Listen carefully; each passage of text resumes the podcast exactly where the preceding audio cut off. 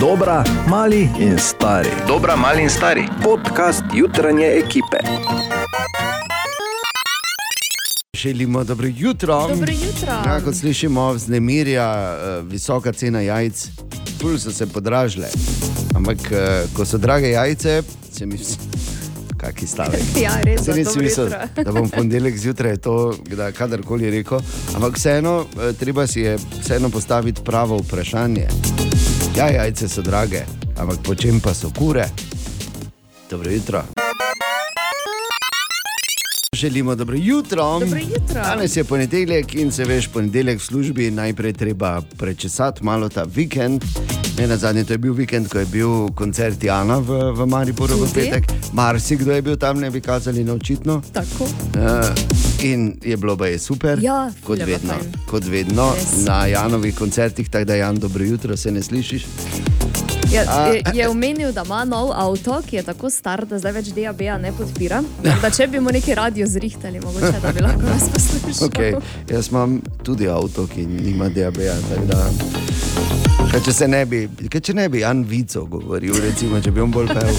Ampak eh, so pa bili nekateri na tem koncertu tudi in to so te zgodbe čez vikend.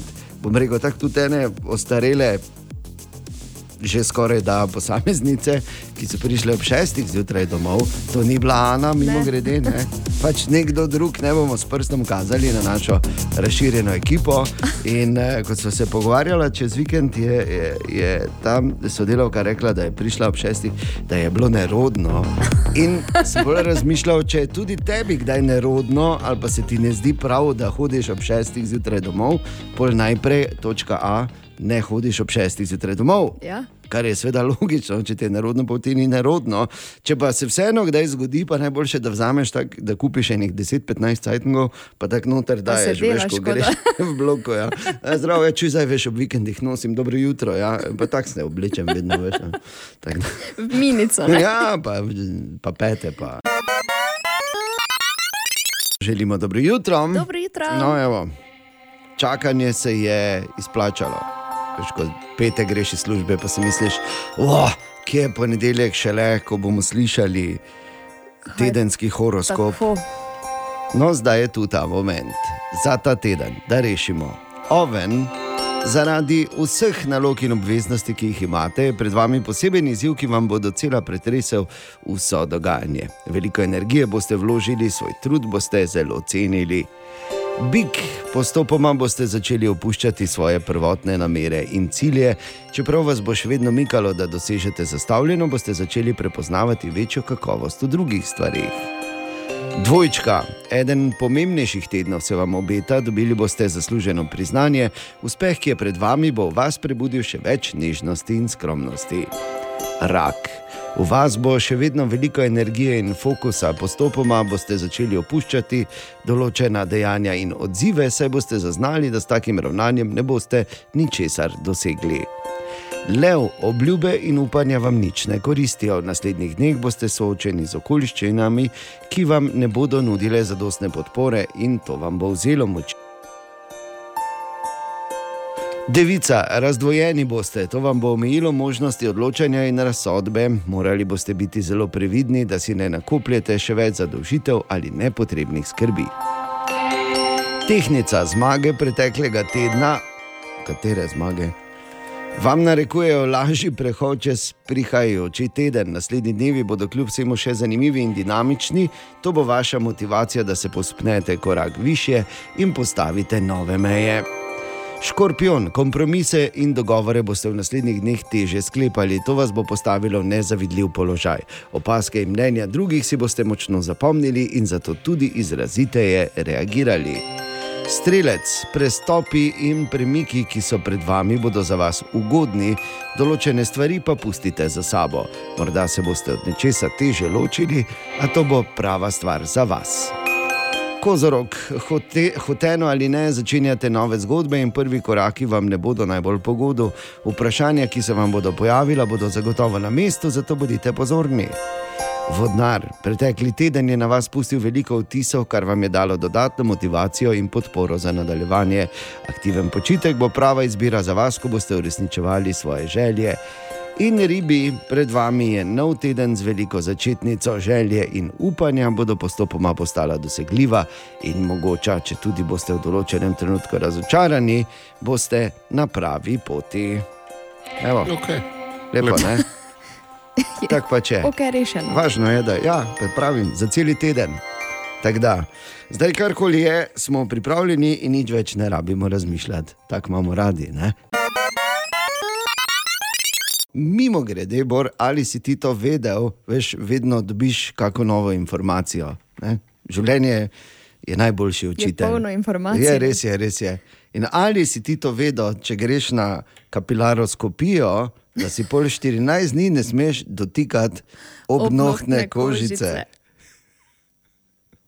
Si vedel, je na ti to? tistih informacij, ko veš, na prvi pogled zgleda brez veze, ampak to Ja. ti lahko reši življenje. Ne vem, jaz na mojo obnohtno kožico absolutno ne pomislim, nikoli. Tako da u- upam, da mi ne treba iti na kapilaroskopijo. Tako, evo, viš, pa smo se ne nekaj naučili. težav. Ja, seveda, kaj pa veš. raste. Okay, daj, gremo, daj. Lepo, da bi Ki ste Bon Jovi, ko človek rabi? Like now. Želimo dobro jutro. Dobro jutro. Dobro jutro. Torej, Oskari, 95 po vrsti. In zdaj novica, jasno, osnovna je ta absolutni zmagovalec, film, vse je povsod naenkrat, sedem Oskarjev in to same tiste, ta glavne. Potem na drugem mestu po številu Oskarjev na zahodu nič novega, nemški film eh, s štirimi Oskarji, ki sicer ni čisto ponovil tisto, kar mu je uspelo pri Baftah. Torej je dobil eh, kar nekaj Oskarjev, ampak ne v tistih najpomembnejših kategorijah. Najboljši igralec je za svojo vlogo v filmu Kit postal Brendan Fraser. In uh, bili so to prvi Oscari, v bistvu, ki niso imeli rdeče preproge. Kljub temu, da seveda lahko, ker to je zdaj najprej se gre pogledat, kako so bile oblečene, ne, kaj so imele gor. Preproga ni bila rdeča, ampak je bila take šampanske barve, barve šampanca. Šampanske. Ja, ok, se ne vem, če se tako reče, barve Ne. šampanca. Bor se reče, ne reče se tako. Ne? Zdaj si mene za barvo vprašal. Se vem, Tukaj se jaz tako Oskari povem, da moče Ne, te vprašal sem te za ne. barvo. Ne? Ne. Da za Oskarje. Ja. Oskarje še te bom vprašal, čakaj. A, zakaj je bila take barve? Zato, ker eh, so hoteli pač simbolno pokazati, da ne bo a, nobenega prelivanja krvi. Ker se spomnimo, kaj je bilo lani na Oskarjih. Imeli so tudi neko posebno enoto za posredovanje, baje, Tako, ja. ne, ki je bila pripravljena, če bi kdo slučajno. Samo na koga boš, kaj? Na Mišel Jov, ki je postala prva azijska igralka, ki je dobila Oskarja, ona te zlama. Ona je igrala v Crouching Tiger, Hidden Dragon, kaj si nor. Ja. Kdo bo njej šel kaj narediti? Veš, da skoči v luft, veš pa tisto počasi. zraku ostane. Ja, in potem Ja. fu, fu, fu, fu, fu, te z hitro kombinacijo v sekundi in pol te zloži v kocko. Ja. A, Potem, recimo, bilo je zelo zanimivo in emotivno, ko je najbolj, Oskarja za najboljšo moško stransko vlogo dobil Ke Hui Kwan, ki je tudi igral v tem zmagovalnem filmu Vse posod naenkrat. Veš, kdo je to? To je tisti mali iz Indiana Jonesa dvojke. Samo zdaj pač več ni mali. Zdaj je že pač večji je. Se ga spomniš? Ne, Ne, pa sem ne. gledal oba filma. Ne spomniš se. V Indiana Sem Jones da dve, je oni mali, Jones ko je. igral. Pa kaj si ti? No? Ne morem Ja, verjeti. ne, vem, kje je. Ja, Ja, seveda to je veš, toti, to je toti, ja. ja. Koliko je, čakaj, malo, koliko je je časa vmes minilo? deset let, po mojem, star. Enih 50 let, Ja. ne 50 skoraj let, ne. 40. In uh, dejansko so to bili Oskarji, ko je mimo prišel tudi ta uh, uh, medo na kokainu, ne, oziroma Cocaine Bear. Uh, mimo grede nisem še uspel tega filma gledati, moram iti gledati. Ja, To je na pol po resnični zgodbi. In uh, ja, ta medo je tudi tam prišel, pa osla. Uh, je imel Jimmy Kimmel tudi pripeljal gor na oder pri eni podelitvi. Tako da se je kar dogajalo, vsi ti momenti so v bistvu, uh, jih lahko zaslediš danes, kjerkoli na spletu. Bi pa jaz izpostavil dva. Prvi je, da je Oskarja dobila Jamie Lee Curtis, ne morem verjeti, Ja. bi bil je čas. In pa, O, ja. da nisem si mislil, da bom dočakal dan, ko se bomo pogovarjali, da je tudi Top Gun dobil Oskarja. In ga dejansko je. sicer za, za zvok, ampak se vseeno. Ma Oskarja Top Gun film ali ne? Absolutno, da je. Ima. Ima ga. Ima, ni ga dobil sicer za najboljši film, Ampak- niti ne za režijo, niti, ampak za zvok. Ampak gled, ali ima Top Gun Oskarja, če sem samo enkrat vprašal. Ima. Tako. In ali to upraviči dejstvo, da smo oba filma skupaj videli eni 16 krat? Absolutno. Ali pa še nismo. Razen če ima kakšen Oscar premalo za to. Ta vikend, to ni oblika pritiska, Ana, naj povem. Ampak ta vikend je bil v Mariboru poročni sejem. To ni oblika pritiska. A, Na ampak- mene tako ne. Ne, Seveda, da ne. Seveda ne, tudi mi nismo inštrument tvojega pritiska na koga drugega. Absolutno. Ampak smo pa vprašali organizatorko Nadijo Jelen, kakšni so kaj trendi za poroke v 2023. Zadnje čase opažamo, no, a, da ne veste, recimo, svoje termine eh, blokirajo že kar a, zelo naprej, se pravi, že celo dve leti vnaprej začnejo rezervirati določene ponudnike. Uh, tako da bi vsem priporočila, no, ki se bodo mogoče poročili v prihodnje, da začnejo s pripravami čim prej. No. Zdaj, kar se tiče pa uh, trendov glede samih oblek, bi pa rekla, no, da, da ni pa letos nič kaj eh, posebnega. No. Uh, isti trendi ostajajo zdaj že neki vrsto let, imamo pa za vse stile postavno, se pravi od uh, razno raznih uh, teh mrmejc oblek, pa potem do raznih princesk, pa tudi potem uh, do vedno klasične A linije. A linija je vedno klasična. Ne? Dve leti naprej, ne veste, postajajo vedno bolj samozavestne. bom rekel, ne.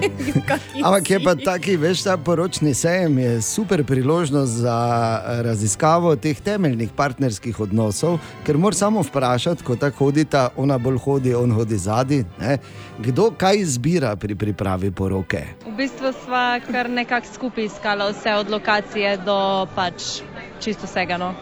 Pogostitve, ok, no, make-up in to sem pač jaz posebej zase, ampak načeloma vse skupaj. V bistvu nisem bila prej na nobeni poroki, tako da je bilo v bistvu vse čist novo. Ampak taki poročni sejmi pomagajo, no, da, da vidiš, kaj je vse v ponudbi. in tako.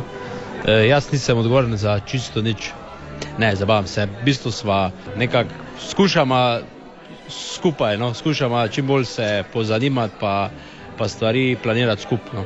Najbolj, da se kar tlele levo obrnete, tale je odgovorna, sva si razdelila delo. Ja. Nevesta je prevzela večino. Jaz sem se pa sam strinjal.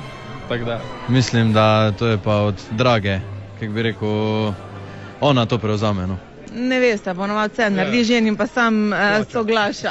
ja, plača. Ja, jaz sem bolj za finančni del odgovoren, uh, moja bil, bivša, moja bivša bodoča žena pa za vse ostalo, ne, tako za organizacije in uh, vse podrobnosti, uh, ampak skupaj pa seveda se odločamo, kaj, je- kaj bo tisto, kar, za kaj se bomo odločili. Ne. Ni se vem potegnil. Ne, ni Nisem šanse, ena poroka manj bo.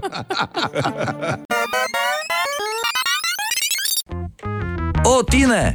Ja, pa Tine, dobro jutro. Ja, kaj si že tu? Dobro jutro. Že nekaj časa in Ja, videla si ga. Pet minut poslušam, kakšna svinja. Sem, tako da, hvala. Kdo? vama. Ja, videla. Ja, res, Ana, Ja. mislim, katastrofa, Se kako se sem videla. obnašaš. Na do- koncu zmeraj jaz. Eno, Tiho sedim in poslušam, kako se vidva bocka tam. Kdo je stezna? Jaz. No, vidiš. Ja, in Ne, ne rabimo dalje razlagati. Eh. Hočem povedati samo to, Tine, da Belly Riders so včeraj odprli sezono. Ja. Mislim, dva sta bila. Bor je bil povabljen, sem vprašam za vsak Ja, primer. ker sem ga že zadnjič povabil, samo te. Ja, ni ga ampak. Če, smo, če sem pa rekel, da ravno ta vikend nisem mogel, ne? Torej, eh, Belly Riders so odprli sezono na vseh nivojih, najprej s kolesarjenjem, pa tudi z borovim iskanjem izgovorov. ne. Valjda, to je klasika. Kaj češ, ne? si utrujen? Mislim, je šlo pa to, ali kako Kaj, ja, je prvič? A ja, Tine, če trend, pardon. Ti si, Ja, ja. zna se še pelati. Je šlo, mogoče sem malenkost pretiraval za prvič. Kar letom primerno bo. rekla. Letom primern, tako da sem se danes eh, v službo pripeljal z biciklom, tako mi rekel, ni mi bilo vseeno, ne, ko sem se vsedel gor na bicikl. Ja, av, tista prva, oziroma dve novi prvi vožnji. Oh. Zdaj vem, da bom na marsikakšen eh, čuden odgovor ampak full me rit boli. Ja, se to smisla s tem. Rit je. Kaj se ti Okej. smeješ? Ja, tako je problem. Ne? Peritonija. Ja, no, vemo, da pri tebi je rit en od pomembnejših protokolarnih Ja, organov. valjda veš, da treba Ja, no, negovati, vem. ne. In zanimivo, da si se začel o tem tako pogovarjati. Protokolarni. Jaz jo gledam na mizi vsako jutro, redu, pa ja. nič ne rečem. Nepotrebno, Ana, spet. Če Tine, kaj si nam danes pripravil? Ne vem, če ste vedeli, da je Liam Neeson bil učitelj včasih. Ne. Učitelj je bil, uh, pol pa je službo zgubil, zato ker je en otrok, 15-letni, nož prenesel v šolo, pa ga narezal. Tako da mislim, človek je kar zvest sam sebi. Ne? Ja, ni klical- v filmu, ali v. Ni klical mame, pa I know who you are. I know, I know what you you did. I'm I gonna know find it, you. Yeah. And I'm, I'm gonna... gonna hunt you down. Ja, vidiš, učitelj, pol se, pa je, pol se pa je za vlogo roba roja skril v kadaver od krave ne? in pol je šlo samo na vzgor.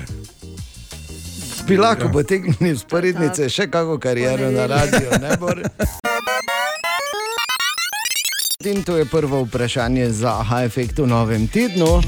Mojca je pisala na jutrov na radio city.si in sprašuje, verjetno gre za mlajšo poslušalko, koliko zobov ima pes.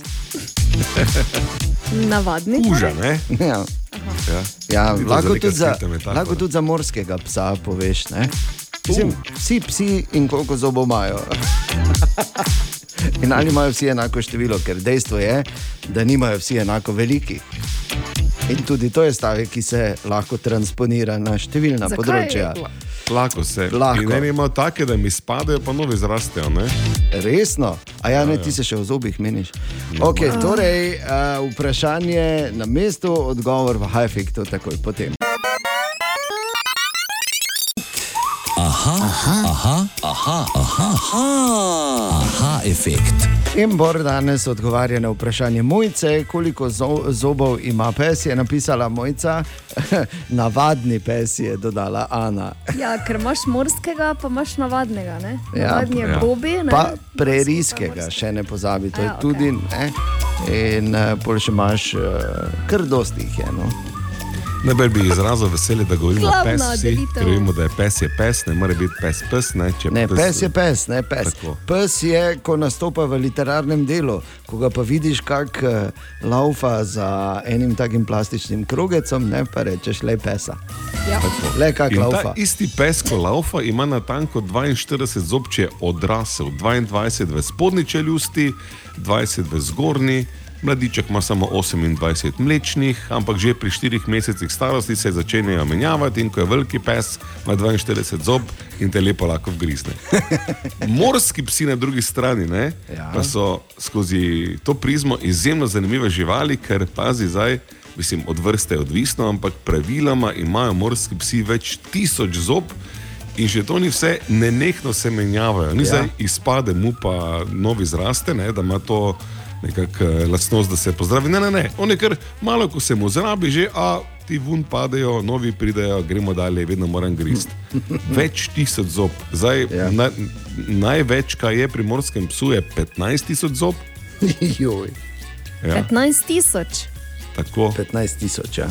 Ja. Grozno. Revež, ne, beli morski pes ima pa samo 300. Samo 300, pa Ja. taki veliki. Sa, ja, ne samo so pa veliki zobi. Ne? In hkrati, no, kaj niso, seveda so. Ja. Pa še, pa še moče ta žalitev k poškodbi, eh, vem, da človeško zobovje nima za neke cene, ravno če ti ven pade zob. Ne. Ja, razen ko si nove, daš delati, pol pa manj kar. To je druga zgodba, ne? ali pa zlati, vemo, to je na drugem. Ja. Ja. Ja, sedaj je prilika, ne bomo zobe reperji, izbirali. ne? Ampak megalodon Ja. to je ena vrsta morskega psa, ko Ki ta ne živi najdeš- več mimo grede. Ja. Ja, ja, ko ta zob najdeš, ne, ker je pač seveda zelo redek, ampak se pa je ohranil, ta je vreden tudi več tisoč dolarjev oziroma evra. No, evo, tako da. Poslovna priložnost. High-effect je res kompletna zgodba. Slabih pet minut pred osmo je. Hvala, Bor. Ali tudi vi pogosto totavate v temi? Aha efekt, da boste vedeli več. Dobro jutro. Dobro jutro. No, ta vikend pa so tudi porezali našo staro trto, najstarejšo trto na svetu. Uh, kot rečejo temu vinogradniki, prva toča je torej vsekala kot uh, res. Eh, Trte, eh, kot temu prav, tudi pravijo, ker seveda, če to ne znaš delati, je lahko resna težava. Ampak naš glavni mestni viričar, stane kot sutar, seveda zelo obvlada vse skupaj. Eh, Pa ne bi toliko zdaj se o tem pogovarjali, ker po- povezavi staro trto se je danes zjutraj odprl v naših novicah en zanimiv problem, ko je Bor rekel. Na tej preditvi so podelili pet cepičev, dva sta ostala v Sloveniji, tri so dali Hrvatom.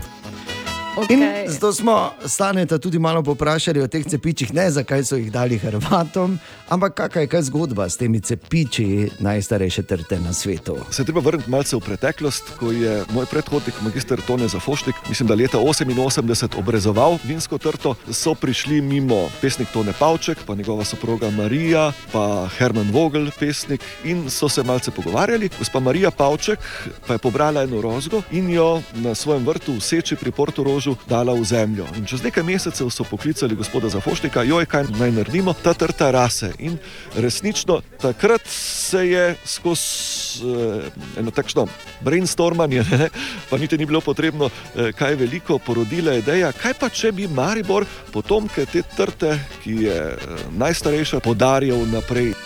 Hrvatom, ne kot je rekel danes.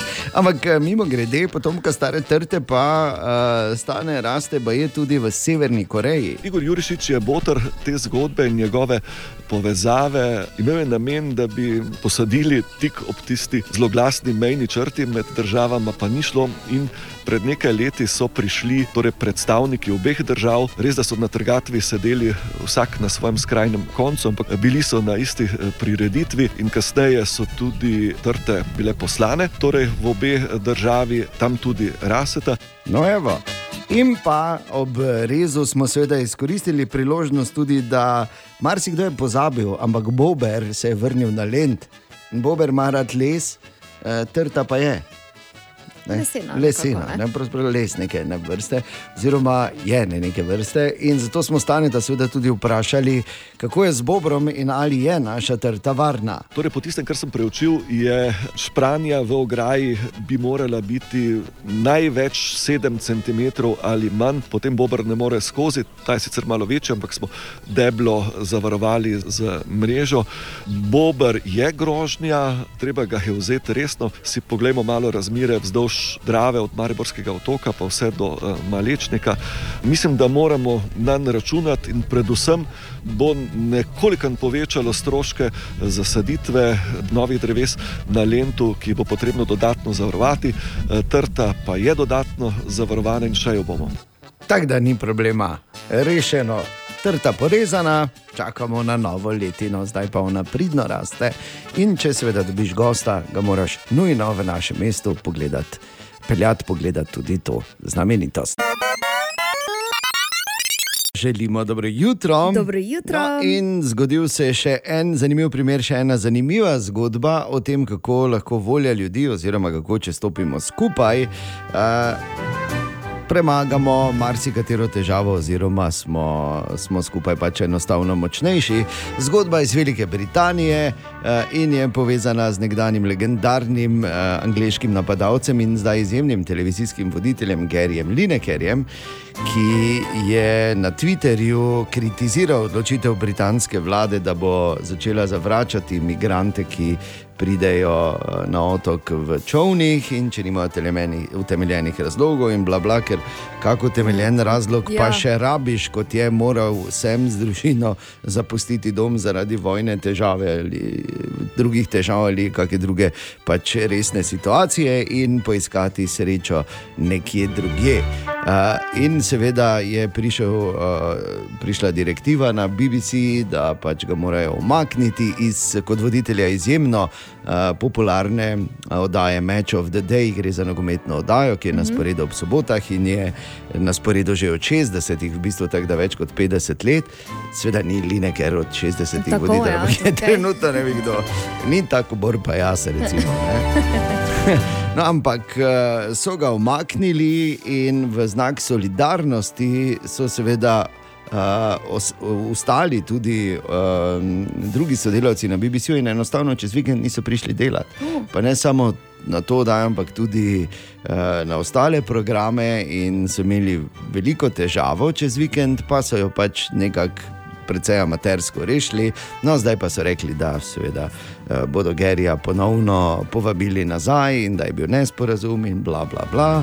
Ampak eh, kar se lahko res še enkrat naučimo iz tega, oziroma eh, to zgodba, ki še enkrat pač potrjuje dejstvo, da smo skupaj močnejši in veseli, da ne glede na vse, kar se dogaja po svetu, ne, v mikro in makro okolju, v bistvu še vedno je sporočilo eno, ne, da vseeno so še momenti.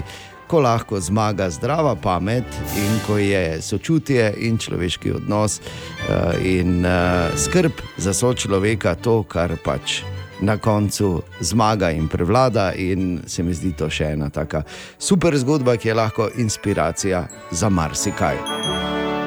Tudi recimo, da greš uh, in spucaš in preurediš akvarij doma, ne Ana? Recimo, Vodilna ne. akvaristka. Pač, ne. Si delala sama ali si imela pomoč? Ne, sva z No, mojim- vidiš, z mojim pa to Andrejem. ti pravim, če Skupaj skupaj. močnejša. No, tako, to je še en. Sicer ne ravno soroden primer, ampak je pa primer. No. To še enkrat dobro jutro. Dobro jutro. No, in ko malo listamo po zanimivih naslovih, danes zjutraj najdemo tudi naslov. Cela zgodba je sicer zelo bizarna in sicer naslov pravi Neurokirurg z računom v bančni oazi. Zdaj ne bomo šli sploh v to, uh, ker kot pravi, imamo verjetno tudi premalo informacij, ampak vseeno. Hotel sem povedati eno drugo stvar, da definitivno dam zdaj uh, resen denar lahko gor, mislim, imaginarni, ne, imaginarno imamo vsi resen denar. Imaginarno imamo. Imaginarno, resen imaginarni denar dam gor, da ne bo nikoli. Nikoli naslova radijski modera moderator z računom v bančni Ja, res ne bo.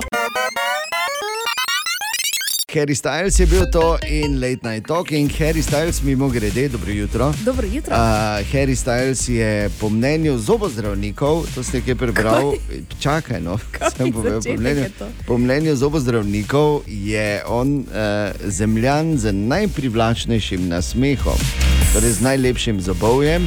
In uh, ja, Harry Styles torej je pobasal še en naslov. Zdaj čakam, če bo vzel še tega, ki ga imam jaz. Veš, jaz sem pa zelo visoko na seznamu, ne bom rekel, katerem, samo društva patologov. Čas bo za naš kar kul cool ali kar slabo. Dobro jutro. Dobro jutro. Dobro jutro. Ja, to je to, ko pač vsak misli, da je kul, cool, pa mogoče ni. To je ta realnost. Trenutek resnice. Realnost v našem mestu, bi lahko rekli. No, vsi smo kul, cool, uh, vsi si lahko mislimo, da smo kul, cool, samo borje. Ne?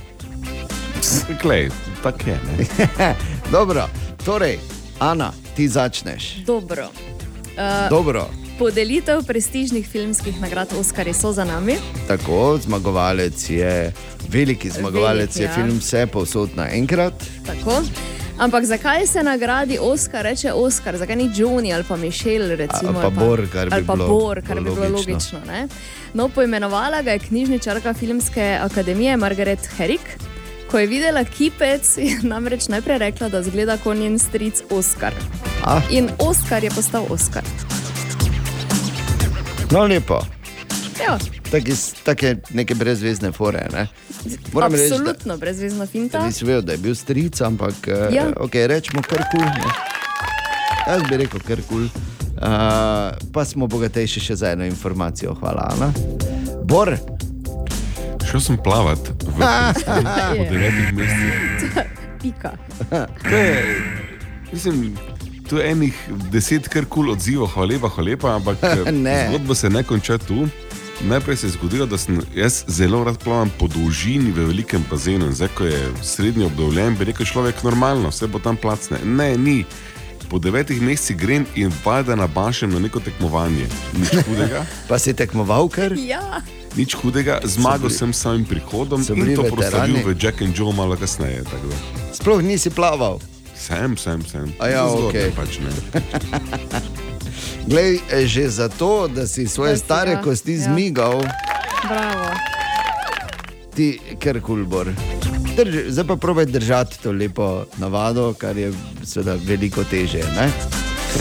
Moje dejstvo pa je, da je, in to je čist res, prvič po letu 1978 so po številu prodanih izvodov vinilke premagale CD-je.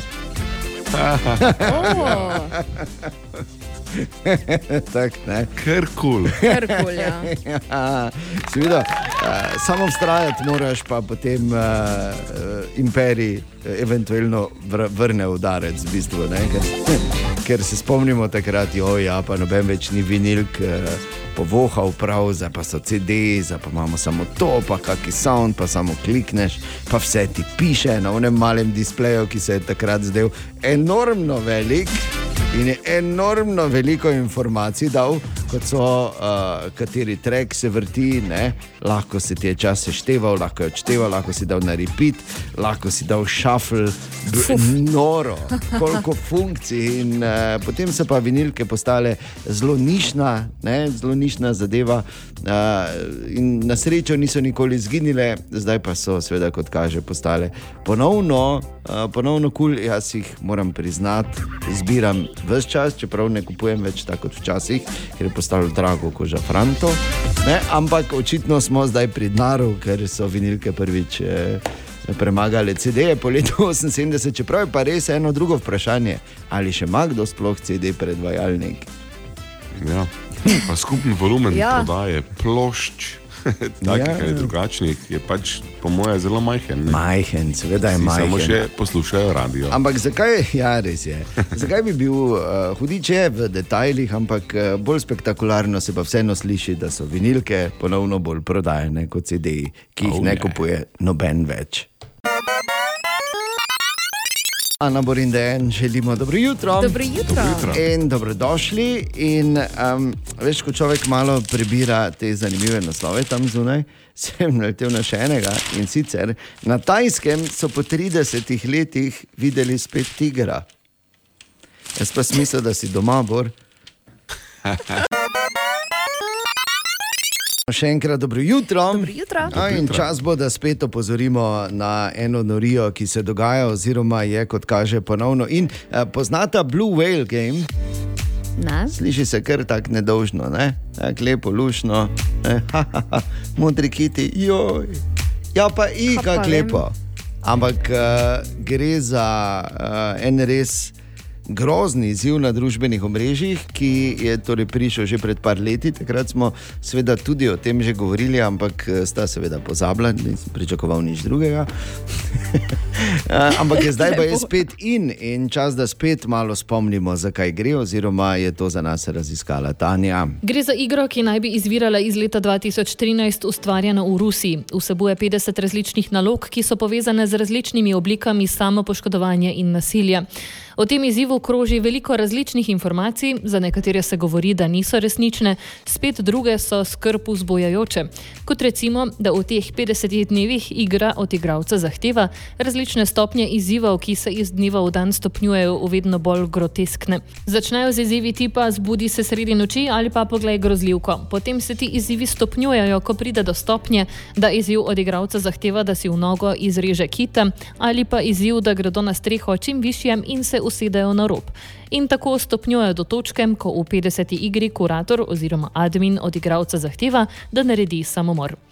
Koliko smrti je ta igra dejansko povzročila, ni znano. Nekateri mediji celo poročajo, da je v državah Evropske unije, ko je ta zadeva prišla v medije in so o njej poročali, naredila grozno paniko in strah med ljudmi, ter da so širili dezinformacije oziroma fake news. Resnična grožnja pa vendar obstaja, saj če so podatki resnični ali ne, smo starši znova postavljeni v vlogo čuvaja, saj se moramo s svojimi otroci bolj kot kadarkoli pogovarjati o varnosti na internetu in vseh možnih grožnjah, ki jih internet in družbeni mediji prinesejo. Tako tudi na safe.si pravijo, da so zaznali, da slovenski mladostniki poznajo to igro in da se o njej marsikaj govori, da pa dejstva niso preverjena, sploh pa statistike o tem, ali je igra botrovala pojavu samomorov, praktično ni. Da pa je torej zelo pomemben pogovor in vodstvo otroku, ki se v tem medijskem svetu morda ne znajde najbolj. Jap. Jaz sem brez besed ostala. Ja, verjamem, verjamem. In uh, ogromno tega je tam zunaj, tako da nič zdaj, ker ne moremo iti po mojem predlogu, ki je bil, poberimo vse telefone. Ne? In, uh, to bo težje, ja. Naredimo to bo malo težje, bo pa seveda potrebno še več delati na ravno tem na osveščanju in informiranju in izobraževanju naše mladeži, in to je samo še. Uh, samo še en dokaz, da je pač sveda vsaka naslednja generacija, ki pride, ima nove izzive, ampak ta generacija staršev, ki imamo zdaj, odraščajoče otroke, naša naloga je pa res najtežja do zdaj v zgodovini, se zdi. Želimo dobro jutro. Dobro jutro. Dobro jutro. jutro. Evo, Bor, jaz imam idejo. Oj, oj. ja, se vem, se vem. Vse najslabše stvari so se vedno začele s tem, da je enkrat prišel, pa je rekel: Jaz imam idejo. Pak na idejo sem prišel, ko sem prebral, da je Lego uh, daleč, daleč največji harator na področju proizvajalcev igrač. ne.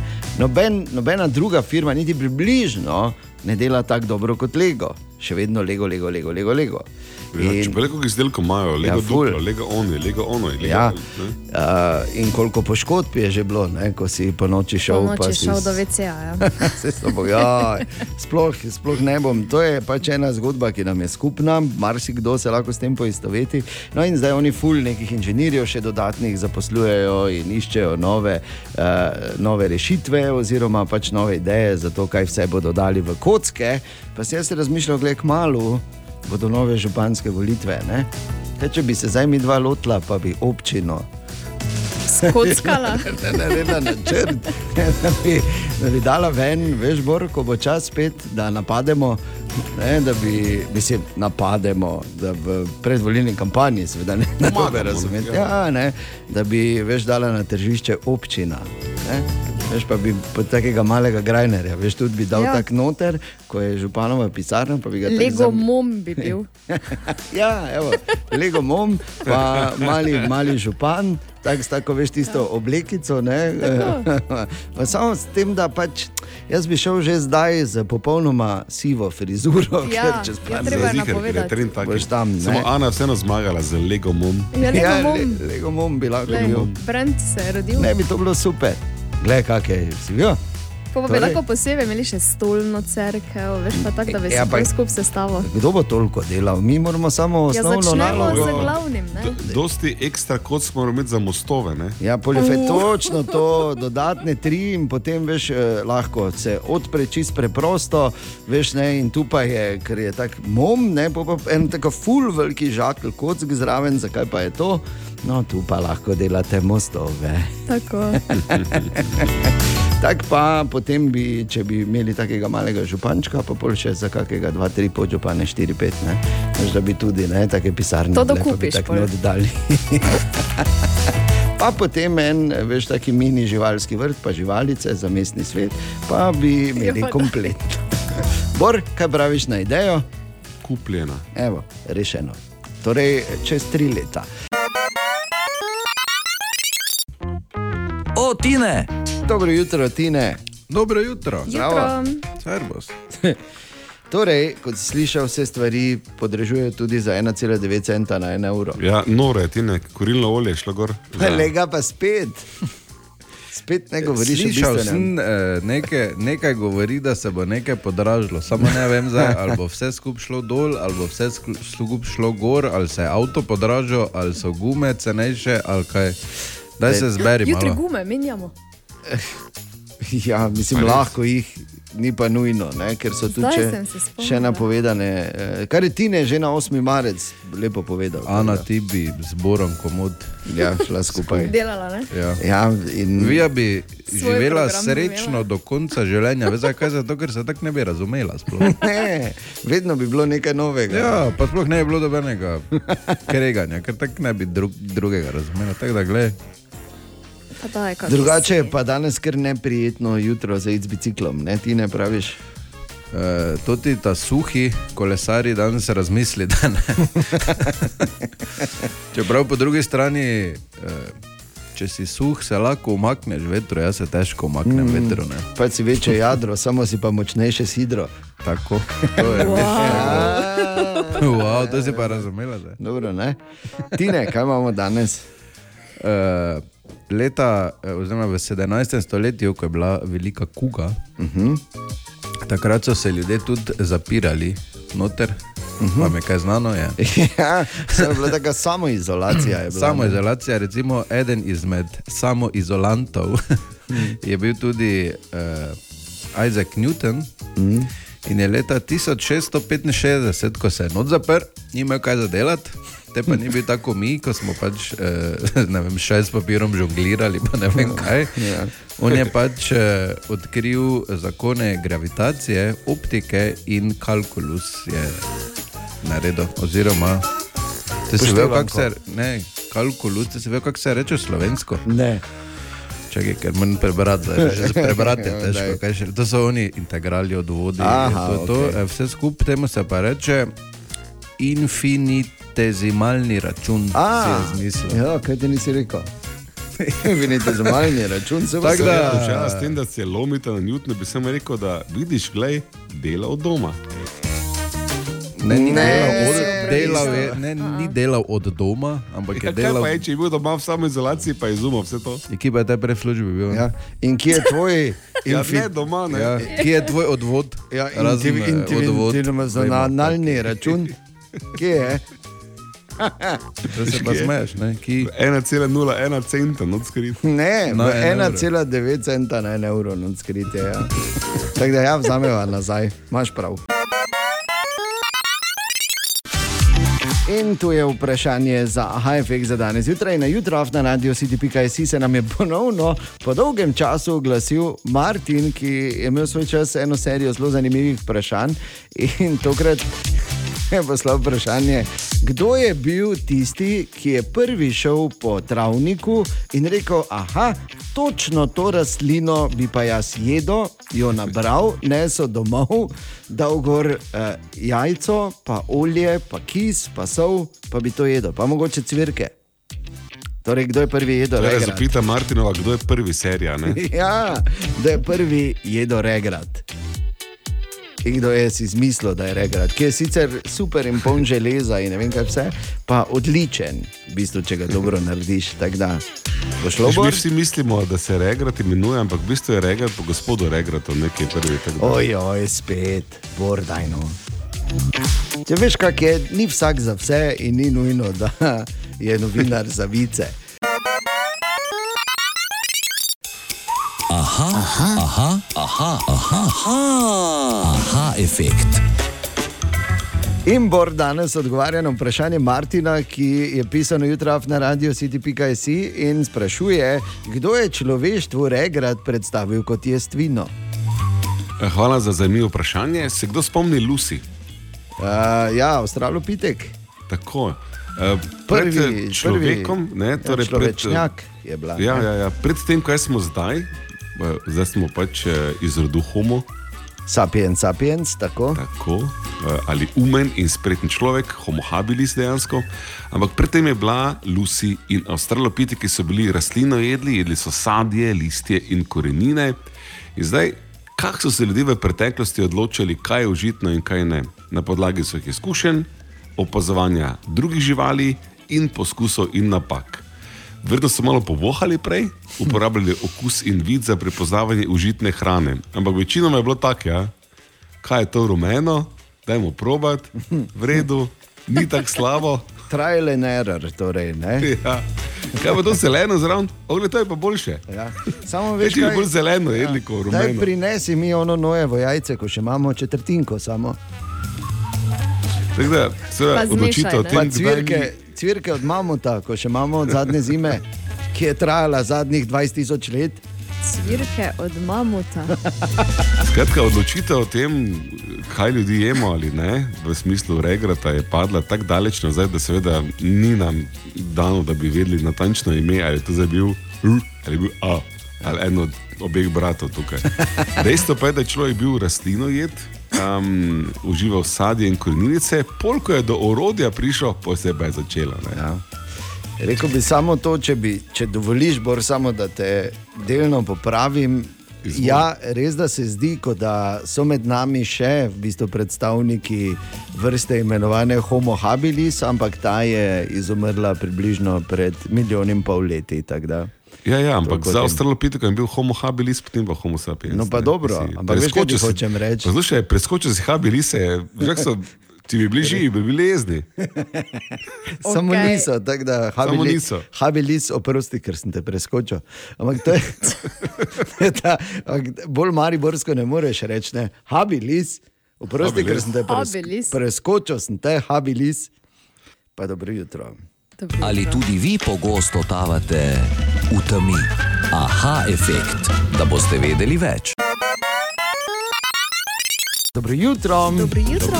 Dobro jutro. Bor, ali si ti vedel, da je najna sodelavka Ana ena od vodilnih akvaristk v našem mestu?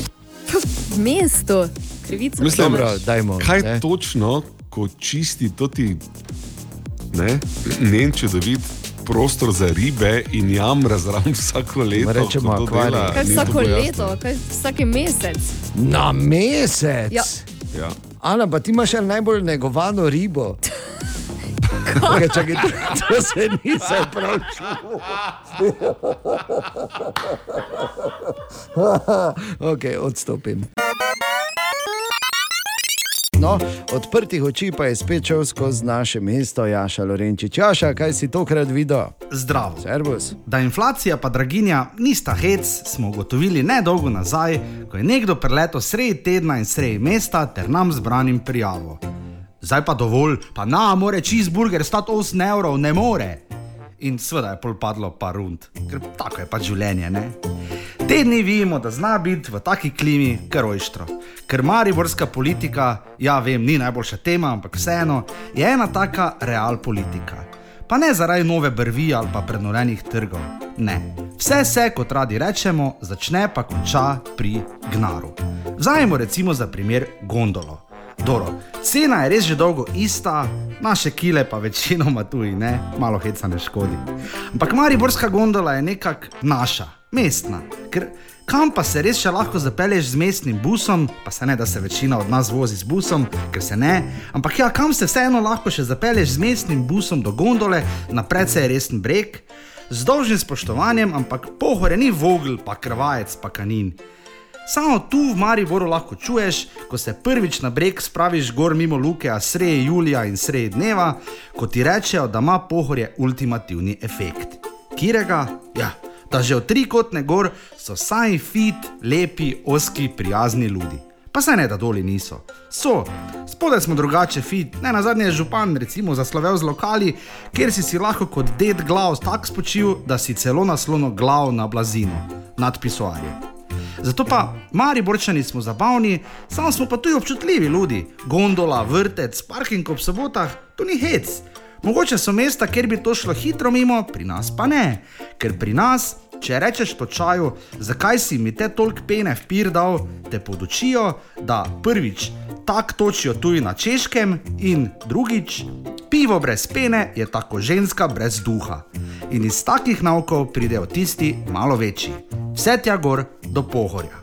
Ja, samo v Mariboru. Ja, samo v Mariboru.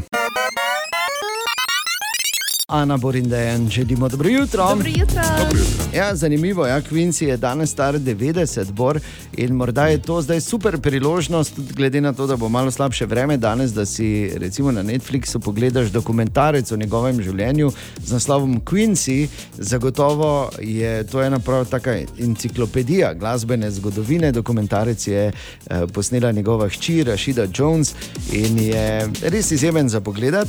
In ko sem ga jaz gledal, moram povedati, da sem imel cel čas, veš, tako, ja, viš, ko bomo naj zborom delali, bo točno tako izgledalo.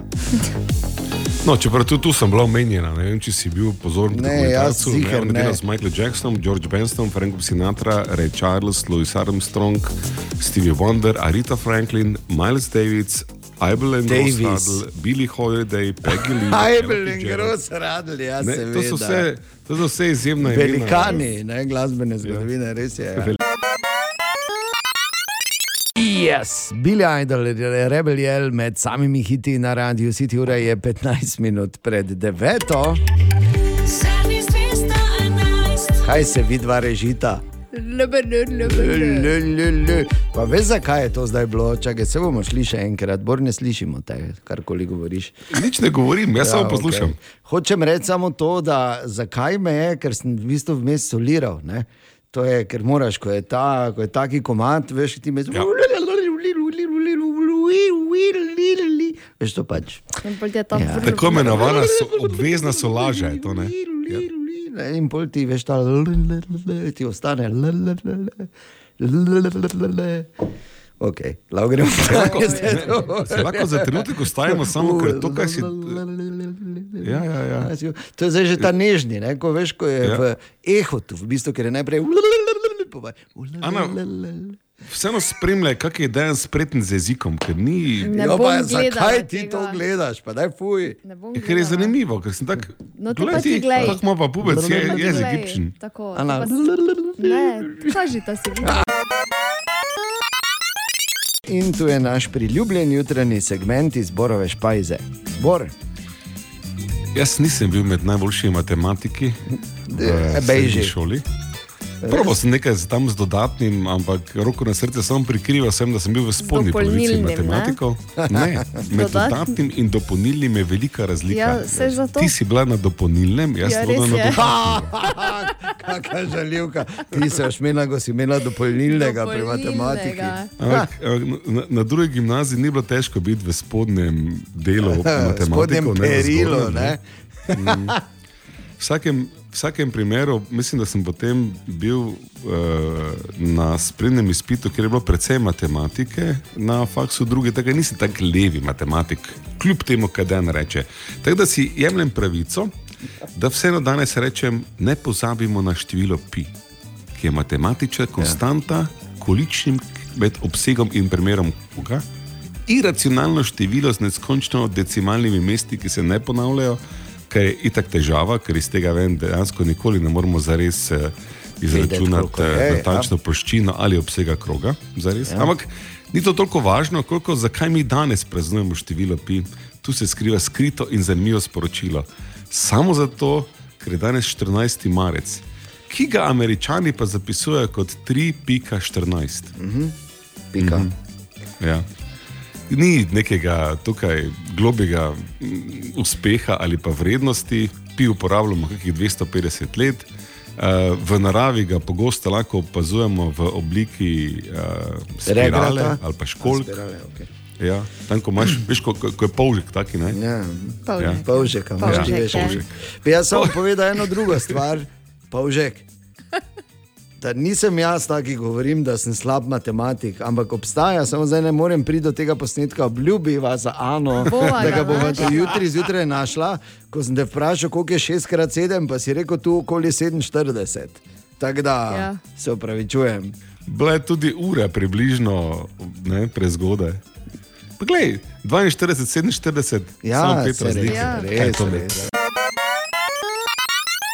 4 minuty so 6, 6, 6, 6, 6, 6, 6, 6, 6, 6, 6, Dobro jutro. Tako, dobro jutro. Vsem islancem, ki ste danes zjutraj v našem koncu Slovenije. Torej, dobro jutro, dobrodošli. Sreda 15. marec je danes, tako imenovane zelo glasne marčne ide so danes. Na današnji dan, ohoho let nazaj, ne, se je potem, ko je dobil eh, štajersko ikebano, obrnil in rekel: Et tu Brutus. In se zgrudil eden največjih vodi vseh časov, to je Kaj Juli Cezar. Marčne ide pa še enkrat, to ni nič drugega kot pač sreda meseca, kot so temu rekli Rimljani. Eh, Bile so pač tudi ide v drugih mesecih, pa ena ida je enkrat v cvetličarni delala, ko sem jo jaz spoznal. Pet minut, če šesta, dobro jutro. Dobro jutro. Želimo dobro jutro. Dobro jutro. Ja, dobro jutro. Zdaj pa, uh, kaj ni resni temi, tako pač imamo, ne? na vse zgodaj zjutraj. Če ni resnih tem, mislim, veš, ni nič, ne, kot se reče. Resno rešimo, pa gremo dalje. Tako. In če kdaj je treba zjutraj. Ja. Kaulrofobija. To je, veš, ko si, no, ja, so ulro, ph, o, b, i, a se napiše. Dobro. Ja, ok. E, veš, to je, ko nočeš priznati, da imaš kakšen strah. Ne, jaz moram priznati, da ne glede na to, se sliši še tako nelogično. Uh, jaz to kaulrofobijo imam, ne, tako vse neko obliko. Okay. Strah pred klovni je to. O, oh, ja. Ja. Ti ga imaš. Uh, ja. in ni, ni to uh, nekaj, veš, uh, zdaj to je, kako si ti star, pepe, pepe. Ne? Ampak to, to ne moreš razložiti, pač je in, in, in obstaja. In uh, seveda ni pomagalo, da sem pač gledal originalni it, pa pol še knjigo bral od Stephena Kinga. Ne? To običajno ne pomaga. Je bilo po mojem še slabše. Da, hvala, Pennywise. Ampak uh, zdaj so ugotovili, v čem je težava. ne. To, to je ena od uh, zanimivo bolj razširjenih fobij in ena od bolj, uh, ena od bolj kako bi rekli, resnih, no, čistak. Uh, dejstvo je, da, da ja, no, Ja, oprosti, medtem ko no. eni, medtem ko eni veš, vidijo cirkuške klovne, pa so. Aha. Ja, le, le, kaj dela stric, ha, ha, ha, ne veš, kako le, kako lepo. Joj, ne. Sedeno, že lahko Ja, jaz leva noga. jaz postanem fejžučen, fejst, fejst, fejst, fejžučen. Ampak zdaj, če da ne bomo zdaj na vse zgodaj, zjutraj dajmo raje tako zadje, ker to je vseeno lepo. Dobrodošli v cirkus. Ker bi jaz, veš, ko pridejo klovni v klizu in polini, če bi le lahko. Ne? In dejansko so ugotovili, da pri kaurofobiji je največja težava ta, zakaj je ljudi strah klovnov, oziroma nas je strah klovnov. Ne zaradi tega, ker pač eh, delajo slabe vice ali pa, ali pa tam Ja. skačejo, pa se bincajo v rit, pa delajo salte, pa to sploh ni problem. Ne? Ampak zato, ker nam je neugodno, ker ne moramo. Veš, ga, ne? Tako, ne moramo si predstavljati, kdo je pod to masko. In običajno ljudje, ki imajo kaurofobijo, se tudi, eh, recimo, vem, ali bojijo kurentov, ne, ali pa ostalih takih nekih mask, šem in uh, nekih biti, ne, ki zakrivajo obraz. Ampak to pri tebi ne velja, ne? ti si sam kurent. ja, Tako kaj te veš, zakaj? ne. Mogoče sem pa zato bil. Ne? Aha. Ja, tako da ne Ja. bova zdaj razvijala, ker ni, nisem na kavču in ni, Ja. ni, ni, ni tu psihoterapeuta, ne, nekega. Ampak ja, dejansko, zdaj so ugotovili, da je to to. In um, več kot 55 odstotkov vseh, ki so rekli, da jih je strah teh delavcev v cirkusih, ne, Eh, pa je reklo, da pravzaprav sploh še niso videli ali pa ne vejo, kdo je Pennywise. Ne? Ker, ok, Pennywise je bitje iz uh, grozljivke in je normalno, da je mo- morda neko nelagodje, ne? ko, ko pomisliš na to. Okay, če imaš podobne težave, moraš vedeti, nisi edina, nisi edini in zdaj, uh, kot kaže, poznamo tudi dokončno razlog, zakaj je tako. V vsakem primeru to ne pomeni, da smo zdaj čudežno ozdravljeni in prosim, ja še enkrat. Res prosim, ne se obleč v klovna, Pa prid. pa mi zavogla skočiti, ker za nekoga se to ne bo dobro končalo. Ana Borindejan, želimo dobro jutro. Dobro jutro. Dobro jutro. Ja, in med eh, listanjem po zanimivih naslovih danes zjutraj sem naletel tudi na tega. V Mariboru ni interesa za tri babe. Pa sem tako razmišljal, povej, katere tri in povem ti zakaj. Vi ste to gostili, ampak okay, o najemu govorijo.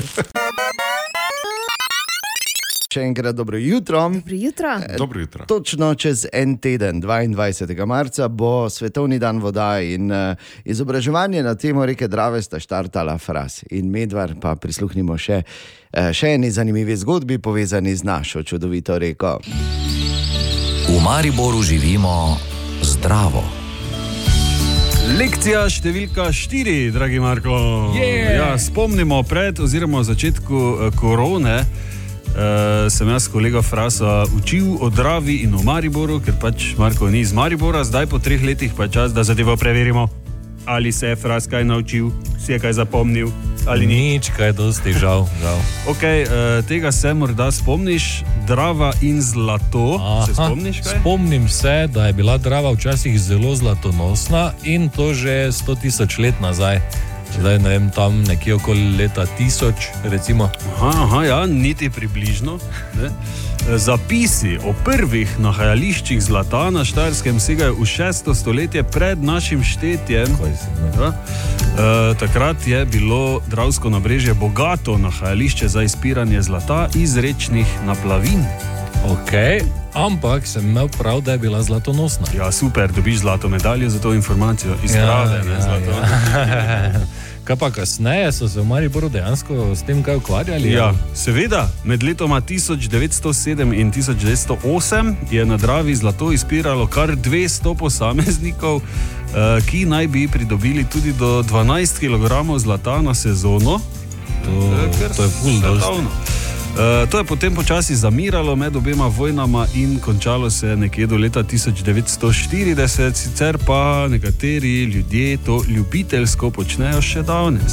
Svetovno, mogoče bi lahko. Preden dobiš to izjemno idejo, da bi tudi ti šel ne, s cedilko ja. Ja, v Dogoše, ne moreš iti zdaj dol pa pričakovati.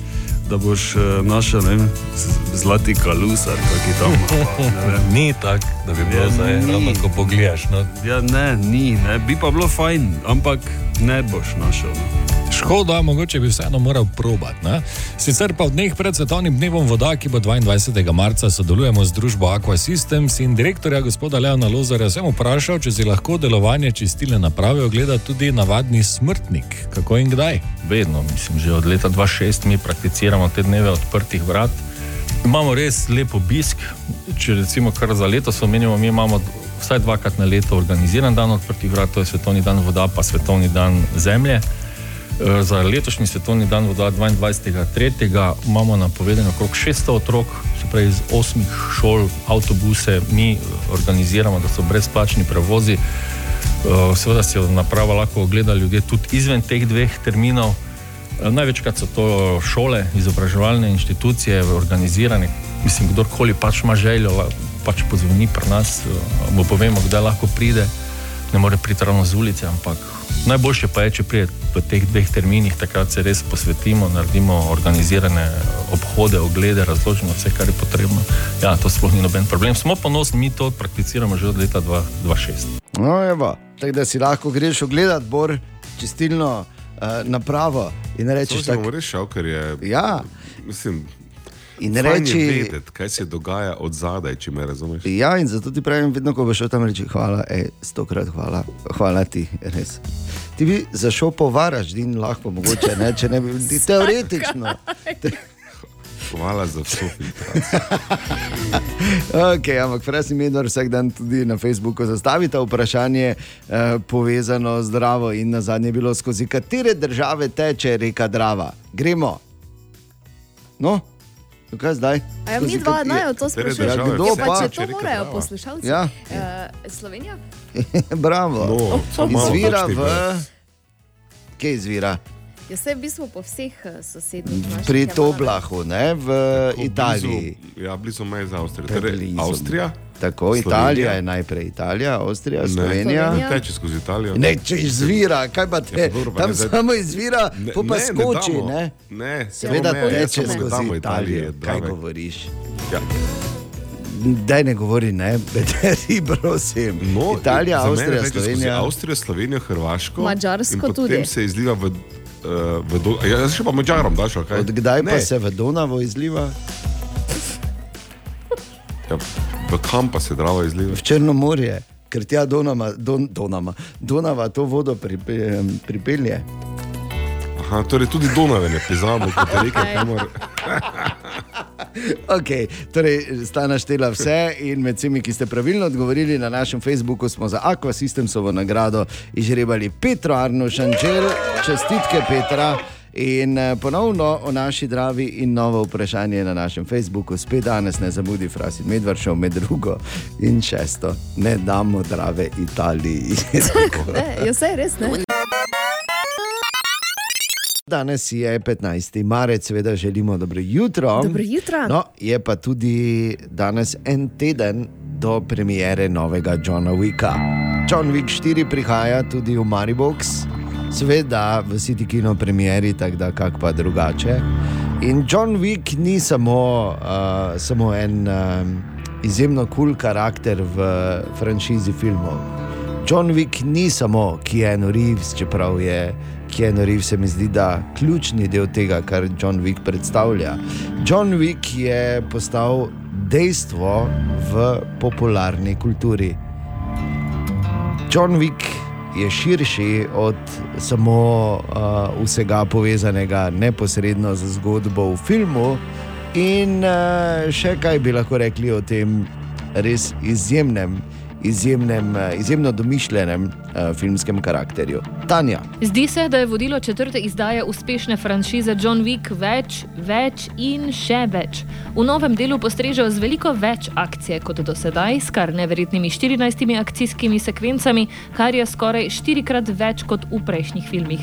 V tem delu so se tudi potrudili in dogajanje raztegnili na več lokacij, predvsej bondovsko potovanje doživi John Wick vse od Jordanije do Pariza, na to še do Berlina. Še ena novost nas čaka v četrtem delu, kar je sicer v tem času postala stalnica blockbuster filmov, večja minutaža. Kar 2 uri in 49 minut akcije in strokovnjaki pravijo, da vam ne bo žal niti minute. Če samo spomnim, prvi del iz leta 2014 je bil dolg le 101 minuto.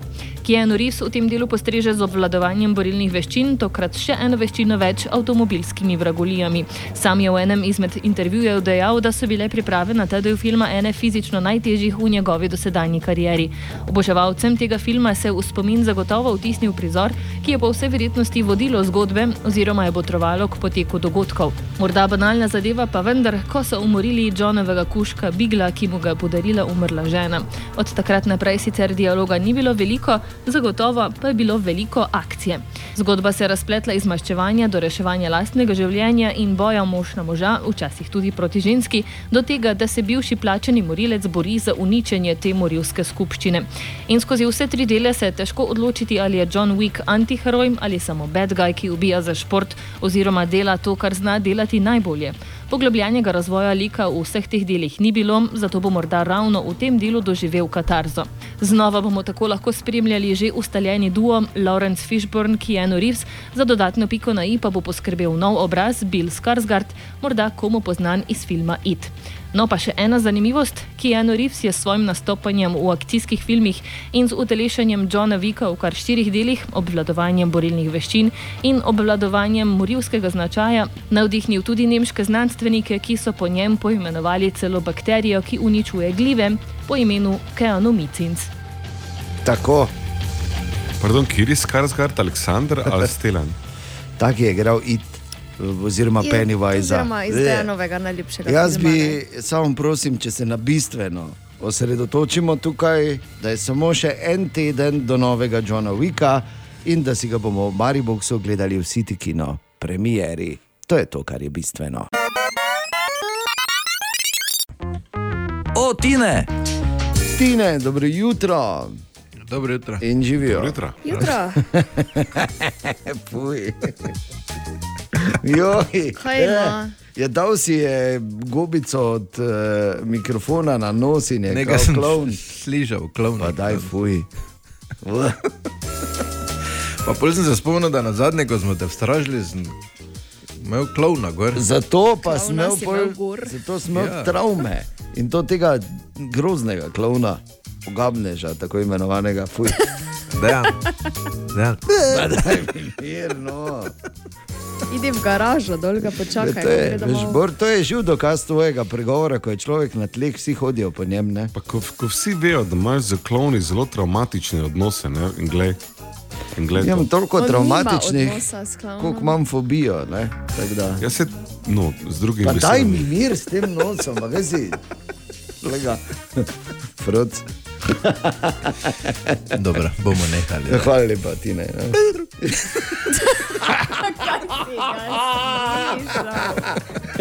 Pleru.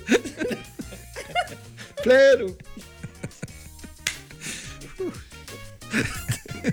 Ja, zdaj je smešno, čakaj čez pol ure, ko boš pozabil. Joj, in tako je šlo vse na robe. Imaš kako zanimivo Ma, veš, da imam nič o klovnih brez. Aleluja. Torej, eh, zapomnite si, če boste kdaj v Indiji, Eh, Za tujce je strogo prepovedano, da njihove rupije, to je v njihov denar, vun z države nosijo.